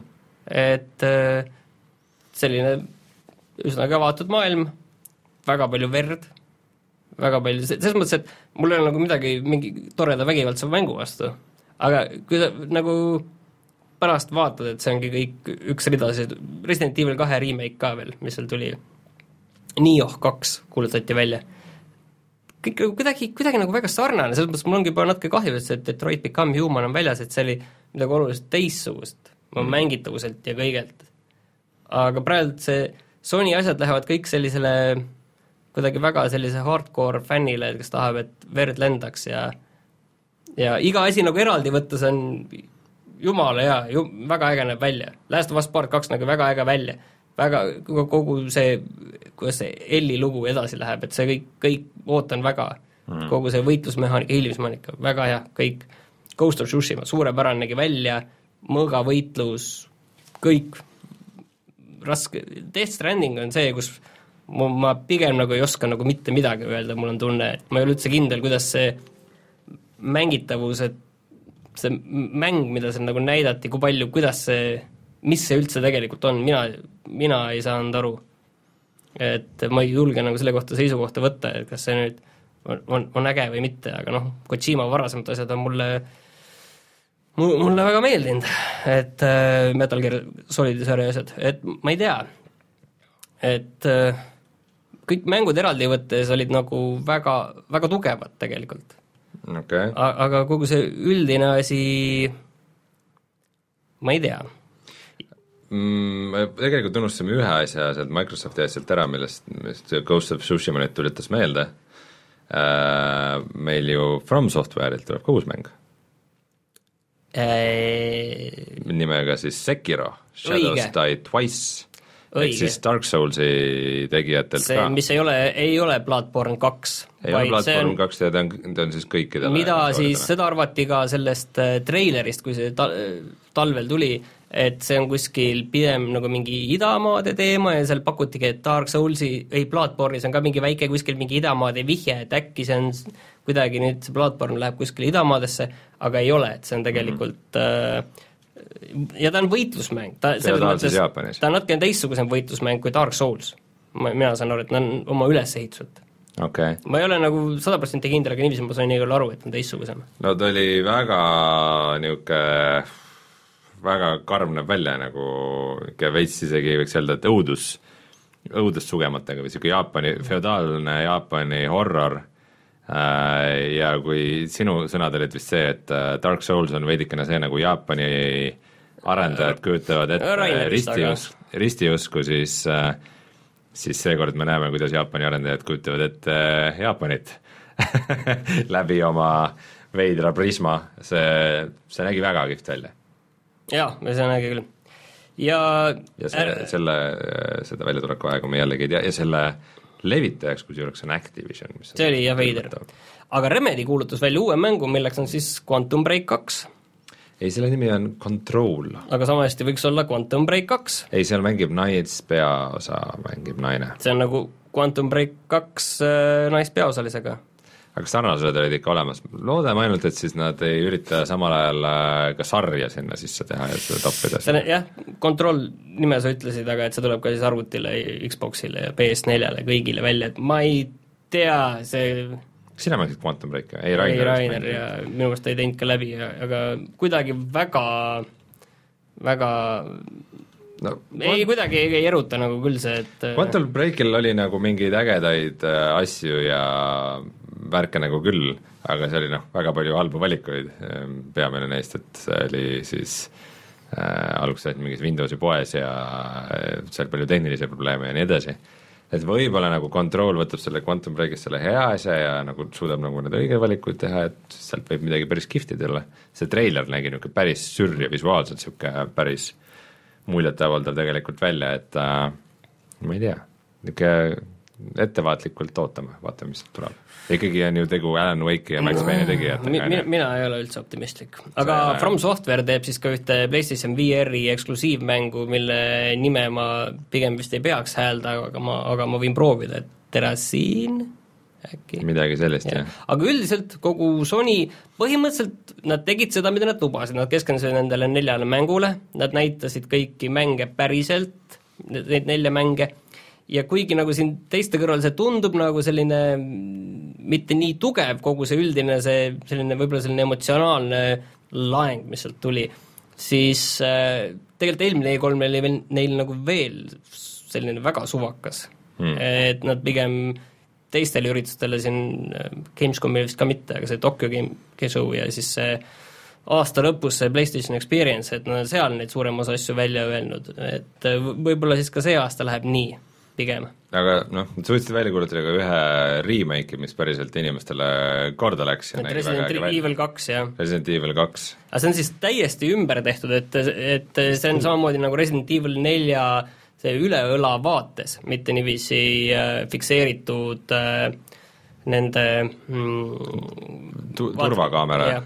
ja seal on siis äh, kaks, kaks erinevat äh, nii-öelda kampaaniat, sa vastavalt sellele, kumma tegelase võtad mm, -hmm. siis äh, noh, tõenäoliselt Resident Evil kahes need, need kampaaniad olid omavahel ikkagi seotud, on ju niiviisi, et see oli pigem nagu mõeldud nii, et alguses mängid ühega läbi ja siis teisega ja siis sa saad nagu selle loo enda jaoks kokku mm. -hmm. et tõenäoliselt on siis seal samamoodi.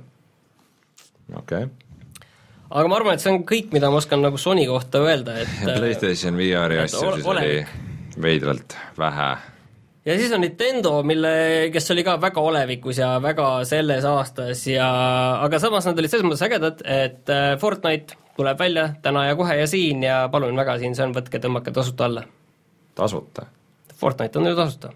muidugi, ta on PlayStation nelja peal ka tasuta. jah aga sa saad seda mängida siis äh, teiste platvormidega koos, välja arvatud PlayStation neli? eriti puine on seal muidugi selle juures see, et äh, et mitte ainult see, et sa ei saa teist, sa ei saa PlayStation neljaga seda koos mängida, vaid äh, kui sa oled juba enda konto sidunud PlayStation, selle Epicu konto sidunud selle enda PlayStationi kontoga mm, -hmm. siis sa ei saa sama Epicu kontoga endale Switch'il sisse logida et kui sa oled näiteks ostnud seal neid värvilisi mütse endale seal ja üldse, et sul on seal, vaatad uhkelt, et sul on siin nelikümmend seitse võitu Fortnite'is PS4 peal, tahaks neid võite ka nüüd näha enda Switchi peal, ei saa mm.. Sony äh, ja inimesed on internetis väga vihased selle peale, täiesti arusaadavalt ka. tegelikult täiesti normaalne oleks, kui ju saaks. ma saaks kuidagi veel sellest aru, kui Sonyl oleks enda nii-öelda äh, käsikonsool ja nad äh, lukustaksid selle pärast need, need kontod sellega ära, et aga Sonyl ei ole ju nagu seda nii-öelda Switchi otsest isegi konkurenti, nagu Switch ja PS4 ei ole nagu päris otsesed konkurendid mm. -hmm. et äh, selles mõttes on see arusaamatu, Sony vastus oli ka umbes selline, et äh, selline veits ülbe ja veits selline mitte midagi ütlev, et meil siin vaatame seda asja ja mängijad on meil olulised ja et selles mõttes nagu, ei tea, mina Sony asemel ütleks, ütleks küll, et vahet pole, mängi ja kõik on suva, et selles mõttes, et nad on jah, Sony on jõupositsioonil oma PlayStation neljaga, aga aga see on nagu selline veits, veits nagu arusaamatu äh, ülbitsemine mm.. kurb. Mario Party. mis see on?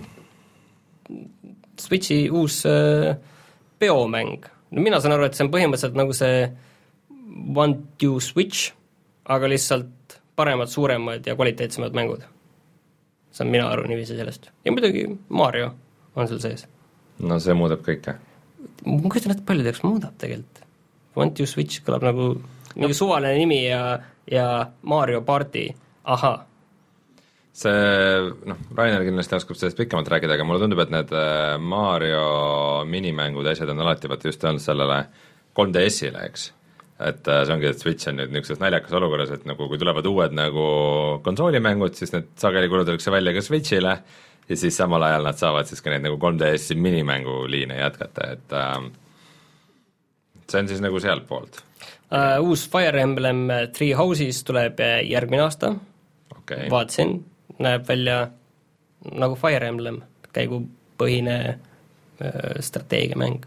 tegelikult hea asi, hea asi, ma olen mänginud kolm, kolm DS-i peal muidugi, aga, aga ma jah. ja siis väga palju keskenduti sellele Super Smash Brothers Ultimate'ile, mis on siis Nintendo arusaam võitlusmängudest. ja seal on nagu teiste Nintendo mängude tegelased sees? kõik, põhimõtteliselt vist, kui ma ei eksi. või rohkemgi veel. ja ma ettekandest ma saan aru, et põhimõtteliselt seal on umbes nelikümmend viis minutit põhilise osa, aga selles mõttes vähemalt vaata ei olnud nii hull nagu eelmine aasta, kui sa ainult sellest Zeldast rääkisid oli see eelmine aasta, vist oli, või üle-eelmine aasta? minu meelest see Zelda juba väljas ei olnud või? oli kohe okei okay,, üle-eelmine aasta siis vist, jah. ühesõnaga see aasta, kui nad ainult Zeldast rääkisid. ei tea. ja siis loomulikult äh, E3-e kõige olulisem mäng, mis välja kuulutati, ehk siis Overcooked kaks. mille poolest see erineb sellest äh, kooskokkamismängust Overcooked? sa saad visata toiduasju vähemalt sa ei teinud panna neid maha, nüüd saad visata üksteise kätte ka. see, kas see on nagu äh, mängumuutja äh,? või teeb see asja ainult lõbusamaks? tegelikult äh, nagu põhiline uuendus on see, et nüüd äh, saab seda ka online'is mitmekesi mängida, et varem ta oli nagu põhimõtteliselt ainult local äh, go-op, isegi mitte LAN, aga et sa olid nagu sama arvuti või sama konsooli taga ja said äh, koos mängida ja üksteise peale karjuda. et sa saad ka online'is oma sõprade peale karjuda. ja palju uusi leveleid ja ma ei tea, ma, ma väga ootan, see tuleb juba sellel suvel, augustis, kui ma ei eksi uh,. Hollow Knight tuli ka kohe nagu välja, aga samas Hollow Knight? Hollow. Hollow, Hollow. ma mõtlesin, et see juba on. ma alguses mõtlesin ka, et see on, see oli nagu sellist veider asi, mis nad seal välja kurtsid. aga muidu jah eh... ei, Shovel Knight on, Hollow Knight on hoopis teine mäng. Seda Hollow Knighti väga, on iseenesest kiidetud, ma olen Rainerile puid alla pannud, et miks ta pole mänginud seda. aga ma arvan, et, et Nintendo oli suhteliselt samamoodi nagu, nagu, nagu Sony ja et äh, olid reaalses olukorras, aga muidugi selles mõttes, et äh, Switchil on ka natuke teine olukord, et äh, nad on siin alles aasta tagasi välja tulnud ja et äh, tõesti, ainult aasta tagasi? no aasta ja kolm kuud hmm., et äh, nemad on natuke teises, vaata, selles arengujärgus ka, võrreldes nagu Xboxi ja PlayStation neljaga, kus seal horisondil juba järgmine generatsioon on ju paistab, et mm -hmm ma ei tea, arvestades, et ma olen Switchi omanik, siis nagu miskipeale Overcooked kage minus väga nagu mingit positiivsust ei süstinud, et no ja see Mario tennisemäng tuleb ka siin äh, kohe varsti. sellest oli juba mingi demo ja. väljas. Ubisoftil me unustasime ära, et see uus Trialsi mäng tuleb ka, see on selles mõttes oli väga sürr, et äh, see mingi hull soom-, soomlased teevad, mingi hull soomlane käis seal äh, laval jauramas, see oli nagu põhiline asi, mis mulle meelde jäi, sest mängust mul ei jäänud midagi meelde. soomlane, see on mingi Kiievi stuudio oli Kiievi stuudio või? ei, seal igal juhul käis äh, mingi soomlane käis laval jauramas selle kohta. ega Trialsi mängud iseenesest on ju ägedad. see on siis võrri võrri, võrri võrri, võrri kallutamise mängud. jah, trikitamismängud. ja jälle trikitamismängud, pead pigem ikkagi lihtsalt, et seda trajast läbi võimalikult kiiresti, et trikid on nagu ikkagi veidi teisejärgulised vist, ma ei tea, pigem püsi püsti. ja siis nüüd on minu küsimus, kus oli System Shock kolm? miks me seda ei näinud? ma arvan, et selles suhtes sa üldse ei peaks vist liiga positiivseid mõtteid ma kardan ka nagu, nagu kahjuks jah aga.... võib-olla küberpunk ongi sinu System Shock ka. aga mis sul nüüd kõige rohkemast asjadest äh, tundus kõige ägedam ja kõige, asi, mida kõige rohkem oodata? Nii? ei, ma küsin sinu käest seda. mida, mida kõige rohkem vaadata? nagu kui võtta kokku kõik, kogu see asi? ma ei tea, pubgi lumekaart küberpunkt minu jaoks kindlasti, aga ta tundub nagu kuidagi praegu veel liiga kaugel olema mm.. mõnes mõttes mind teine teisest mis seal kaugel huvitab, on ikkagi see, et kuidas see Microsoft nüüd edasi läheb, mulle tundub nagu kõige parem selle juures see, et et Microsoft igal lööb selle konkurentsi, mul on tunne, nagu uuesti korralikult käima. et mm -hmm. ei ole seda asja, et äh, Sony ainult dom-, domineerib siin selles konsooliturul ja Nintendo on juba Switchiga sinna päris palju kaasa aidanud, aga mm -hmm. ikkagi, et ma arvan, et mängijad kõige rohkem ikkagi võidavad sellest, kui äh, kui selline väga eluterve konkurents on ja igaüks proovib endast parimat anda ja, ja praegu mul on tunne, et selles mõttes nagu kogu see see mängumuudatustik muutus nagu selliseks paremaks selle E3-ga, et minu meelest see on nagu siin selle E3-e nagu põhisõnum mm. -hmm. et Microsoft ei peagi tegema nagu häid mänge ja head konsooli, nad peavad lihtsalt teisi hoidma KIK-i varrukel. see on juba päris, päris suur asi oleks selles mõttes, et see vähemalt päästaks mind vaata veel sellest Xbox'i ostmisest, aga vähemalt teised pingutaksid selle võrra rohkem mm. -hmm. suurepärane. ma arvan ka nii et äh, see aasta E3 ei olnud pettumus. ei olnud ja hoolimata sellest, et, vaadata, et ja. Äh, Red Dead Redemptioni ei näidatud, hoolimata sellest meil on Red Dead Redemptioni väljatulekuni aega neli kuud midagi ja me ikka pole seda mängu veel kordagi näinud, kas see tuleb nüüd nelja kuu pärast välja? Võib tulla, selles mõttes, et et äh, see vaikus ongi nagu veidikene Rockstari stiil ja, ja ta tavaliselt et nad näitavad ühe treileri, lasevad inimestel selle, seda üle analüüsida nagu ja. ja peidavad sinna sisse mingeid asju ära ja siis ühel hetkel on see väljas ja siis on nagu palun väga, vaata, mida halvem, halvem variant on see, vaata tegelikult, kui nad tavaliselt edasi lükkavad seda mängu siis ütlevad, aga siin on palun need kümme screenshot'i sellest mängust, et vaadake nii kaua neid. Ma ei tea, nad on nii palju edasi lükanud, ei saa edasi. ja kokkuvõttes siis me saame ka teada seda, et jah, et agent, agent'id siiski praegu veel ei tehta ja see ei ole Xbox One'i eksklusiiv kahjuks. mul eelmine kord panin mööda sellega. aga Martin, sina kui just nagu tehnoloogiaspetsialist, ütle, millal siis need uued konsoolid tulevad? kaks tuhat kakskümmend? tõenäoliselt, aga siin ongi väga huvitav vaadata, kas Xbox äh, Sony puhul on jah, kakskümmend kakskümmend väga, väga tõenäoline või isegi veel kaks tuhat kakskümmend üks, aga mul on tunne, et äkki Xbox tahab nagu olla selles järgmises generatsioonis selle initsiatiivi haarata, nagu neil ka üks mängustuudio on, The Initiative, et äkki nad, äkki Xbox proovib enda konsooli varem saada välja. salaja? jah, sest vaata, mida aeg edasi, seda vähem olulisemaks muutub see, et äh, sul see, et need konsooligeneratsioonid tuleksid väga ühel ajal mm. -hmm. et sa saad mänge arendada, vaata niiviisi natuke eri versioone ja lükkad selle selle, seal graafikat maha natukene ja ei pea tulema nagu uus Xbox ja uus PlayStation, ei pea tulema välja sellises suhteliselt samas sellises, samas kvartalis või isegi samal aastal ei pea et, et siin äkki ma arvan, et äkki see Xbox tuleb välja varem, varem kui me arvame, et tõenäoliselt siis nagu järgmise aasta lõpus, mul on tunne, et võib nagu teoreetiliselt võimalik olla. okei okay.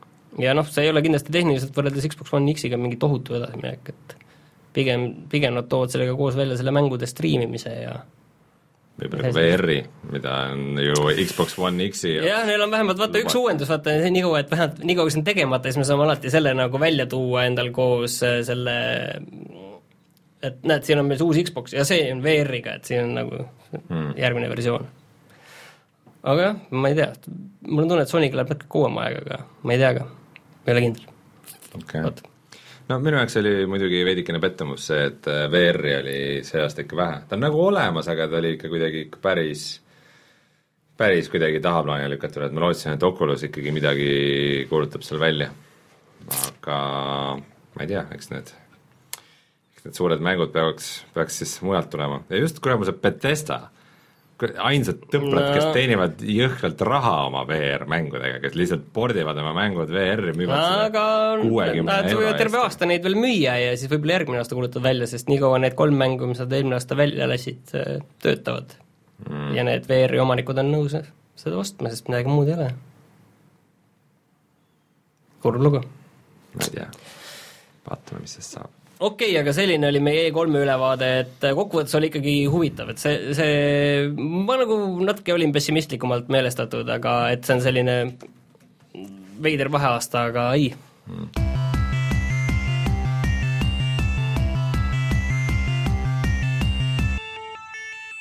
mul on, mul on nagu selles mõttes kuidagi huvitav, et ma olen sattunud mingisse, mingisse niisugusesse äh, huvitavasse kohta, kus ma mängingi mingeid teistsuguseid mänge, et me ei mängi enam nagu niisuguseid tavaliselt triple A titleid palju, me mängime, ma ei tea, pubki ja titleid.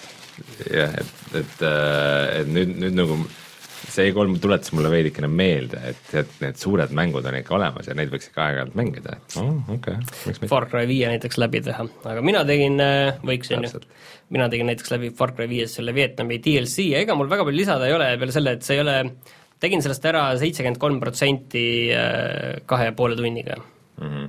seal äh, lõpp ei olnud eriti hea, suhteliselt aimatav. see põhimõtteliselt ongi üks missioon, sinna minna, sinna ühest kaardi otsast teise otsa ja ja seal on viis protsenti story'st või nagu kogu, kõigest, mis seal üldse on? minu meelest saan aru, et ka korjatavatest asjadest ja, ja kõigest. et story on sul läbi?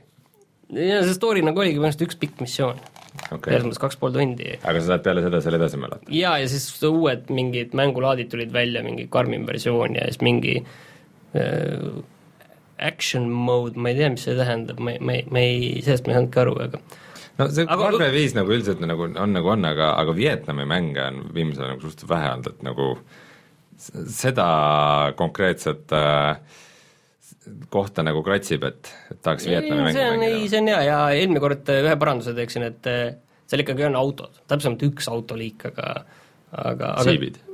ei, see on mingi selline väike kastikas selline okay.. mitte päris cheap. aga selline Vietnami kohalik toodang tundus olema hmm.. et see on seal olemas ja natukene saab sõna otseses mõttes ringi sõita. Juhitavust ei ole, et, et ei on, on, aga seal kaardil on selline ring nagu, et noh, sa võid, noh selline selline kaardi selline pärast keskosa on see koht, kus on selline ring ja siis sa võid, selline ringtee põhimõtteliselt. Mm., sa võid nagu ringi sõita, et seal nagu sellist kiirreisimist ei ole, aga sa võid seal siis natuke autoga saad noh, kiiremini liikuda. Okay.. aga kokkuvõttes tead, mis seal oli või, et ma mängisin normaalsel raskusastmel ja võib-olla väga lihtsasti saab surma, snaiprid on kuidagi nagu palju surmavamad et mitte, et oo oh,, snaiper lööb mulle ühe laksu kirja, teise laksu kirja, ja mida ei ole, on see, et mis on väga tervitatav, on vot see, et igas mängus on ju, sa vaatad maailmamängus, kus on snaiprid, on ju mm. -hmm. tead, kuidas snaipri ära tunneb, on ju? see valgus helgib. ja, punane kiir veel tuleb kohe laserikiir, on ju, et seda ei ole. sa pead enne nagu selle snaipri, et äh, need vastased sa pead üles leidma, vaatama, kes on kes. binokliga. no binokliga või kui sul on see see Eagle Vision. pöörk, ei, selleks sul peab olema pöörk, et sa hiilid ja siis sul tuleb see, et sul niisama sellist Eagle Visionit ei ole, aga sa pead seal nagu välja teenima hiilides et ja siis sa saad nagu tuva, pead enne tuvastad, oledki kuskil mingit kohta oled ründamas ja snaiprid on nii vastikud mm, -hmm. et sa alguses võtad need maha, ise kaugelt vaatad, hiilid, kus need on, et äh, kui sa nagu lendad peale kuskil väga, väga tuimalt, siis, äh, siis need snaiprid võtavad su väga lihtsalt maha, kaks lasku ja nad, sa oled maas. ühega, ühega sa oled nagu niiviisi, et sa oled nagu veel napilt äh, hoiad sellest elust kinni ja siis näiteks kuskilt mingi suvaline tüüp paneb ühe kuuli kuskilt niisama automaadist ja siis oled, oledki siruli mm. -hmm. et selles mõttes on hea ja see nagu toetab seda hiilimismehaanikat omakorda, et sa hiiliksid, sa ei lendaks sinna sisse, sest need snaiprid võtavad su hästi lihtsalt maha. Aga kas lihtsalt need napalmi lennukid ei saa kohe peale tellida nendele snaipritele või? no saab ikka, aga mõnikord nad jäävad ellu seal selles äh, napalmis, kuni sa neid tap-, täpselt ei taba mm. aga üldiselt pigem noh, hoolimata sellest natuke tuimast lõpust ja, ja sellisest äh, mulle ikkagi meeldis, see oli natuke teistsugusem ja ta ei ole ilmselt nii läbu, on ju, kui see ei ole jah, sa rohkem natukene jah, nagu vaatad ja mõtled ja enne, kui kuskile sisse hüppad mm. aga no ma arvan, et selle raha eest niiviisi, ma arvan, et see on täitsa okei okay. aga peale selle mängimist, kas sa kavatsesid neid ülejäänud kahte ka mängida, üks oli siis Marsil ja teine zombidega? jah, Marsil, Marsi oma kindlasti noh, küllap kui see on ostetud juba, see hooaja ligipääs, küllap ma võtan need zombid kätte. okei okay,, selge. Äh, ma tahaks tegelikult natukene rääkida oma Rootsi reisist, äh, sest me külastasime seal erinevaid VR-ettevõtteid, eks nagu ma ütlesin, kaks huvitavat asja, millest võiks rääkida, üks on see, et äh, me olime ühes ma ei tea, siis VR-arkaadis või asjas, kus oli niisugune suur treadmill, see maksab umbes viiskümmend tuhat eurot. trenažöör äh,? Jah, aga igasuunaline omnidirektsionaalne trenažöör. et põhimõtteliselt seal on üks nagu niisugune ala keskel, kus sa alguses nagu seisad, paned peaseadme pähe ja ükskõik, kus suunas sa liigud, nagu ta on suur ringikujuline, siis äh, kui peaseade läheb nagu sellest äh, keskpunktist kaugemale, siis seal hakkavad torud nagu viima sind keskpunkti suunas, nii et sa saad nagu VR-is justkui nagu kõndida rõõmsasti ühe koha peal ja, ja nagu mängus sees sa lähed edasi. mis äh, teoreetiliselt on nagu päris cool aga praktikas sa ikka oled üsna teadlik sellest, et, et sa käisid kuskil torude peal ja ja see nagu väga, väga sujuv ei olnud üldkokkuvõttes. aga lihtsalt niisugune fun tehnoloogia. aga see oli niisugune noh, niisugune demotehnoloogia, mida maailmas on üldse mingi viis tükki, on ju. teine äh, asi, millega ma tegelikult olin varem ka kokku puutunud, on niisugune firma nagu Tobi, kes teeb äh, pupilli jälgimist nii, seda, see on Tobii kahe i-ga või? jah mm. -hmm. et äh, mina olen neid kohanud nagu VR-i kontekstis ja noh, eks me külastasime ka neid nagu VR-i kontekstis, et äh, nagu VR peaseadmesse saad sisse panna mingid need, nende, nende seadmed ja siis sa saad äh, nagu pupilliga noh, et, et arvuti saab aru, kuhu sa parasjagu mm -hmm. vaatad ja siis aitab sul sihtida või nagu teeb mida iganes aitab mingeid õigeid valik, valikuid teha ja nagu VR-is just peetakse seda väga oluliseks, sest sa saad teha näiteks foveatide renderingu, et seda kohta renderdatakse mm. paremini, mida sa parasjagu vaatad või mida iganes. aga mida ma ei teadnud, on see, et neil on tegelikult äh, nagu tavamonitori jaoks on nagu seadmed väljas, need on isegi päris sageli vist äh, läpakatesse sisse ehitatud. jaa, ma olen, sealt mul see fir-, firma nimi tuttav oligi. Mm.. ma, ma teadsin, et kuskil nagu ette jäänud, aga et näiteks mingi väga paljud Ubisofti mängud toetavad seda, mingi umbes mm, Division ja mingid, mingid mõned veel, ja siis äh, näiteks umbes a la vist isegi GTA viies saad ette et kui sa vaatad näiteks ekraani serva, et siis kaamera nagu veidikene liigub sinnapoole, et see on natukene niisugune nagu, nagu nagu monitori ja VR-i vahepealne asi, aga ka näiteks selline asi, et sellel, kui sa äh, ei vaata alla nurka, siis sa ei näe nagu seda kasutajaliidest, ehk siis mm. sa ei näe seda, seda mm, kui palju sul kuule ja elusid ja asju on ja sa näed ainult seda ainult siis, kui sa vaatad sinna alla nurka, siis, siis ta nagu mm. ilmub välja. mis on tegelikult nagu päris cool. jah, sest äh, kui sa vaatasid tegelikult kas või E3-e mänge, siis vähemalt nendes demodes ja see ikkagi, kas või need kõik, suur osa Sony mänge, et nii-öelda kogu see info tegelikult oli võimalikult palju ekraanilt ära korjatud, et mhm. sellist mm nii-öelda kasutajaliidest hästi vähe, et võimalikult sa läheksid sinna mängu sisse võimalikult palju. aga ma ei tea, see tundub nagu ilgelt lahe tehnoloogia, et nagu ja. ta toimib ka päris hästi, et äh, see, see karp nagu maksab eraldi mingi sada viiskümmend euri umbes, seda on nagu maailmas müügil, et, et peaks nagu veidi uurima, et mis need et kui need mängud seda suudavad hästi ära kasutada, kui ta ei ole niisugune suvaline gimmick, siis äh, see võib olla nagu väga niisugune kihvt lisa sul igapäevamängudele. jaa, sa võiks aidata mul CS-GO-s sihtida näiteks. jaa, kardan, et siiski mitte. jah, see on, siin tuleb see teine küsimus, et äh, kas, äh, kas sa nagu äh, tahad äh, seda mängudesse nagu niisuguse ebaterve eelisena, aga näiteks noh, näiteks pubgis äh, on alati nagu tüütu osa on asjade maast äravõtmine, et äh, kui sa loot'id nagu, et siis äh, siis sa scroll'id läbi mingist tohutust listist, mis nagu tapetud vaenlasel oli. see ongi, see on osa mängust, et näed, sa tapsid ära, seal on hästi palju kola oli sel tüübil, sul on tegelikult vaja sealt umbes kolme asja ja sa pead need üles leidma ja kogu see asi võtab lihtsalt aega, on ju. Mhm. et sa oled nii kaua noh, haavatav, et värised seal ja korjad ja valid kola ja värised. see on osa mängust. see on ilmselt õigus. aga ikkagi, tundub fun, ma ei tea, äge ja muidu ma olen mänginud peamiselt viimasel ajal, viimastel nädalatel, kui üldse, siis äh, Diablo kahte, aga sellest ma ei hakka rääkima, ja Beat Saberit, ehk siis seda suurepärast äh, VR äh, rütmimängu, kus äh, ühes käes on punane valgusmärk ja teises käes sinine ja siis äh, vastavalt muusikale sa mm, hakid kuubikuid, mis lendavad sinu poole ja mis on tohutult kaasahaarav ja no, see on kindlasti asi, millest me peame video tegema ja sellest, et ka selline, sellest, kuidas siis nii-öelda just see päriselu Rein välja näeb, samal ajal kui ta hakib seal äh, metallisaatel äh, siniseid ja punaseid kaste, et paneme tantsuma, paneme mõlemat, vaatame, kuidas välja seal, näeb. seal mängus sees on ainult äh, umbes kümmekond tantsumuusika lugu, üks on niisugune rokilikum, aga see on nagu päris halb. see on, see on see arusaam, no okei okay,, rokilik, ma saan aru juba aru, jah okay.. jah, aga, aga no sellest hoolimata need lood on ikkagi nagu kaasaarvad ja ma jõudsin muidu nii kaugele, et ma olen nüüd kõik kõik need kümmekond lugu ära teinud äh, kõige raskemal raskusastmel, ehk siis eksperdil.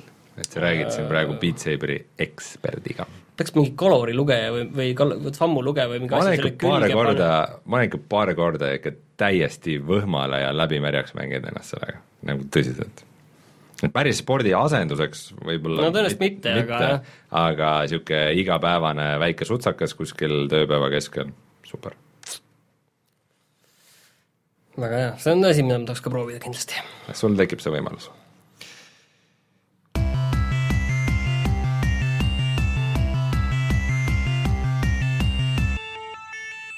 aga nüüd soovitame siis midagi, mida me soovitame teistel proovida. nii, ja mis seal olla võiks? soovitame, mingi veider asi on, et eh, Bethesda ütles, et eh, Quake Champions, see mäng, mis tuleb kunagi tasuta välja, mis praegu on Steamis Early Access'is ja maksab kolmkümmend eurot on praegu nüüd kuni kaheksateistkümnenda juuni tasuta. tasuta mäng on praegu tasuta? jaa, aga see tasuta mäng on praegu muidu tasuline. et siis see on see FPS, mis, mida sina mängisid ja sulle suhteliselt vist meeldis. mulle meeldib see, aga ma pean ütlema, et äh, tal läheb ilgelt kaua, et nagu kunagi lõpuks välja tulla äh,, sest et ma ei tea, minu meelest on seal Early Access'is kudenud juba poolteist aastat ja kui ma seda peale aastast pausi mängisin, siis oli pigem halvemaks läinud äh, ja teine asi on see, et ta on ikka suhteliselt surnud. et kui nad seda vahepeal tasuta asja ei tee siin, siis siis ta oleks täitsa köögane. no ilmselt see ongi nüüd selle jaoks, et äh, inimesi sinna äh, kutsuda, et proovige ja te-, ja vaadake seda ägedat asja, mis me teeme või et äh, noh, ma arvan, et see on selles mõttes neil õige liigutus ka. ja samamoodi teeb ka tegelikult Ubisoft, kes annab kuni viieteistkümnenda õhtuni, annab ära tasuta For Honorit ja siis For, For Honori nii-öelda starter back'i, et see on sel-, selline noh, ilmselt kui see sulle meeldima hakkab, sa pead seal kola juurde ostma. ma täpselt ei tea, mida. kas see on nagu veidi sama seis nagu see Rainbow Siege'iga, et sa, sa saad, et kui, et sa saad nagu selle algmängu odavamalt, aga samas sul on vaja mingeid asju juurde osta, et nagu mängida üldse normaalselt või? ei, ma arvan, et sa saad nagu alustada nagu niiviisi nagu, põhimõtteliselt on see, et sa saad nagu maitse kätte. okei okay.. ja Layers of Fear on samuti praegu tasuta, see on siis selline koll hüppas kapist välja äh, õudusmäng äh, koos pusledega mm. ja ilusate maalidega, mis sul tekivad selja taha, kui sa ümber pöörad. okei okay,, ja Steamist võib praegu saada siis esimese Overcooked'i äh, viie euro ja neljakümne kolme sendi eest, mis on kindlasti hea ost, eriti siis, kui sa tahad sõprade või pereliikmetega mängida samas ruumis seda koos ma arvan, et Overcooked on üks meil soovitatumaid mänge meie soovituste rubriigis olnud üldse. on või? ma ei mäleta ühtegi korda, et ma oleks seda soovitanud. aga noh. ja näed, Budget Cuts tuli ka täna välja. aa, tuli lõpuks või? Awesome! tahan mängida seda. liiga palju asju. Liiga palju VR-asju, häid VR-asju ma tahaks mängida, see maksab kakskümmend viis euri ja üheksateist senti. ongi vist kõik või? jah saime oma mängud mängitud ja jutud räägitud ja mis me siis nüüd tegema lähme? puhkama ja mängima. Kas, kas E3-l tuli välja mingi, kuulutati välja mingi asi, mis on nüüd väljas, mida sina tahad mängida? Unravel kaks. Unravel kaks, lähed koju ja hakkad mängima Unravel? no ilmselt mitte veel täna, aga ühel päeval, jah mm.. ja, ja siis seda Command Conquer Rivalsi, nii kui see mulle tuleb, äh, mul, mul saan seda mängida vaata, et sa siis vihast oma telefoni ära ei lõhu selle ma proovin, jah. ma mõtlen, sest et see noh, et see on nii kaasahaarav, et Aa. siis äh, nagu kui sa kaotad ühe korra, siis okay. seda, seda laval mängisid reaalaja strateegiamänge. oi jumal küll, see oli nii kohutav, et kes tahab midagi kohutavat näha, siis vaadake seda, jah, täpselt, see oli wow pidi, see pidi välja nägema nagu StarCraft kaks põhimõtteliselt oleks välja kuulutatud, näidatakse laivis, kuidas StarCraft kahte mängivad sellised profid ja tiimid ja kuidas see on võimas ja äge ja siis ainult see oli mobiilimäng. et ma ei tea, me ei taha sellest, ma, nagu ma ütlesin, ma ei, ma ei ütle selle kohta midagi halba, enne kui ma olen seda mänginud. noh, ootame seda siis. aga tundub, et see oli siis meie saade, viisteist juunil mm,, järgmine kord oleme eetris nädal aega hiljem vaadake siis üle meid äh, Youtube'is, kus äh, eelmisel nädalal, ma juba ütlesin, mis seal eelmisel nädalal on ja see aasta, see nädal siis tuleb äh, Far Cry Vietnamis. ja otsige meid üles Patreonis ja toetage meid ja hellitage meid. minu poolt kõik, aitäh, Martin! palun! tšau!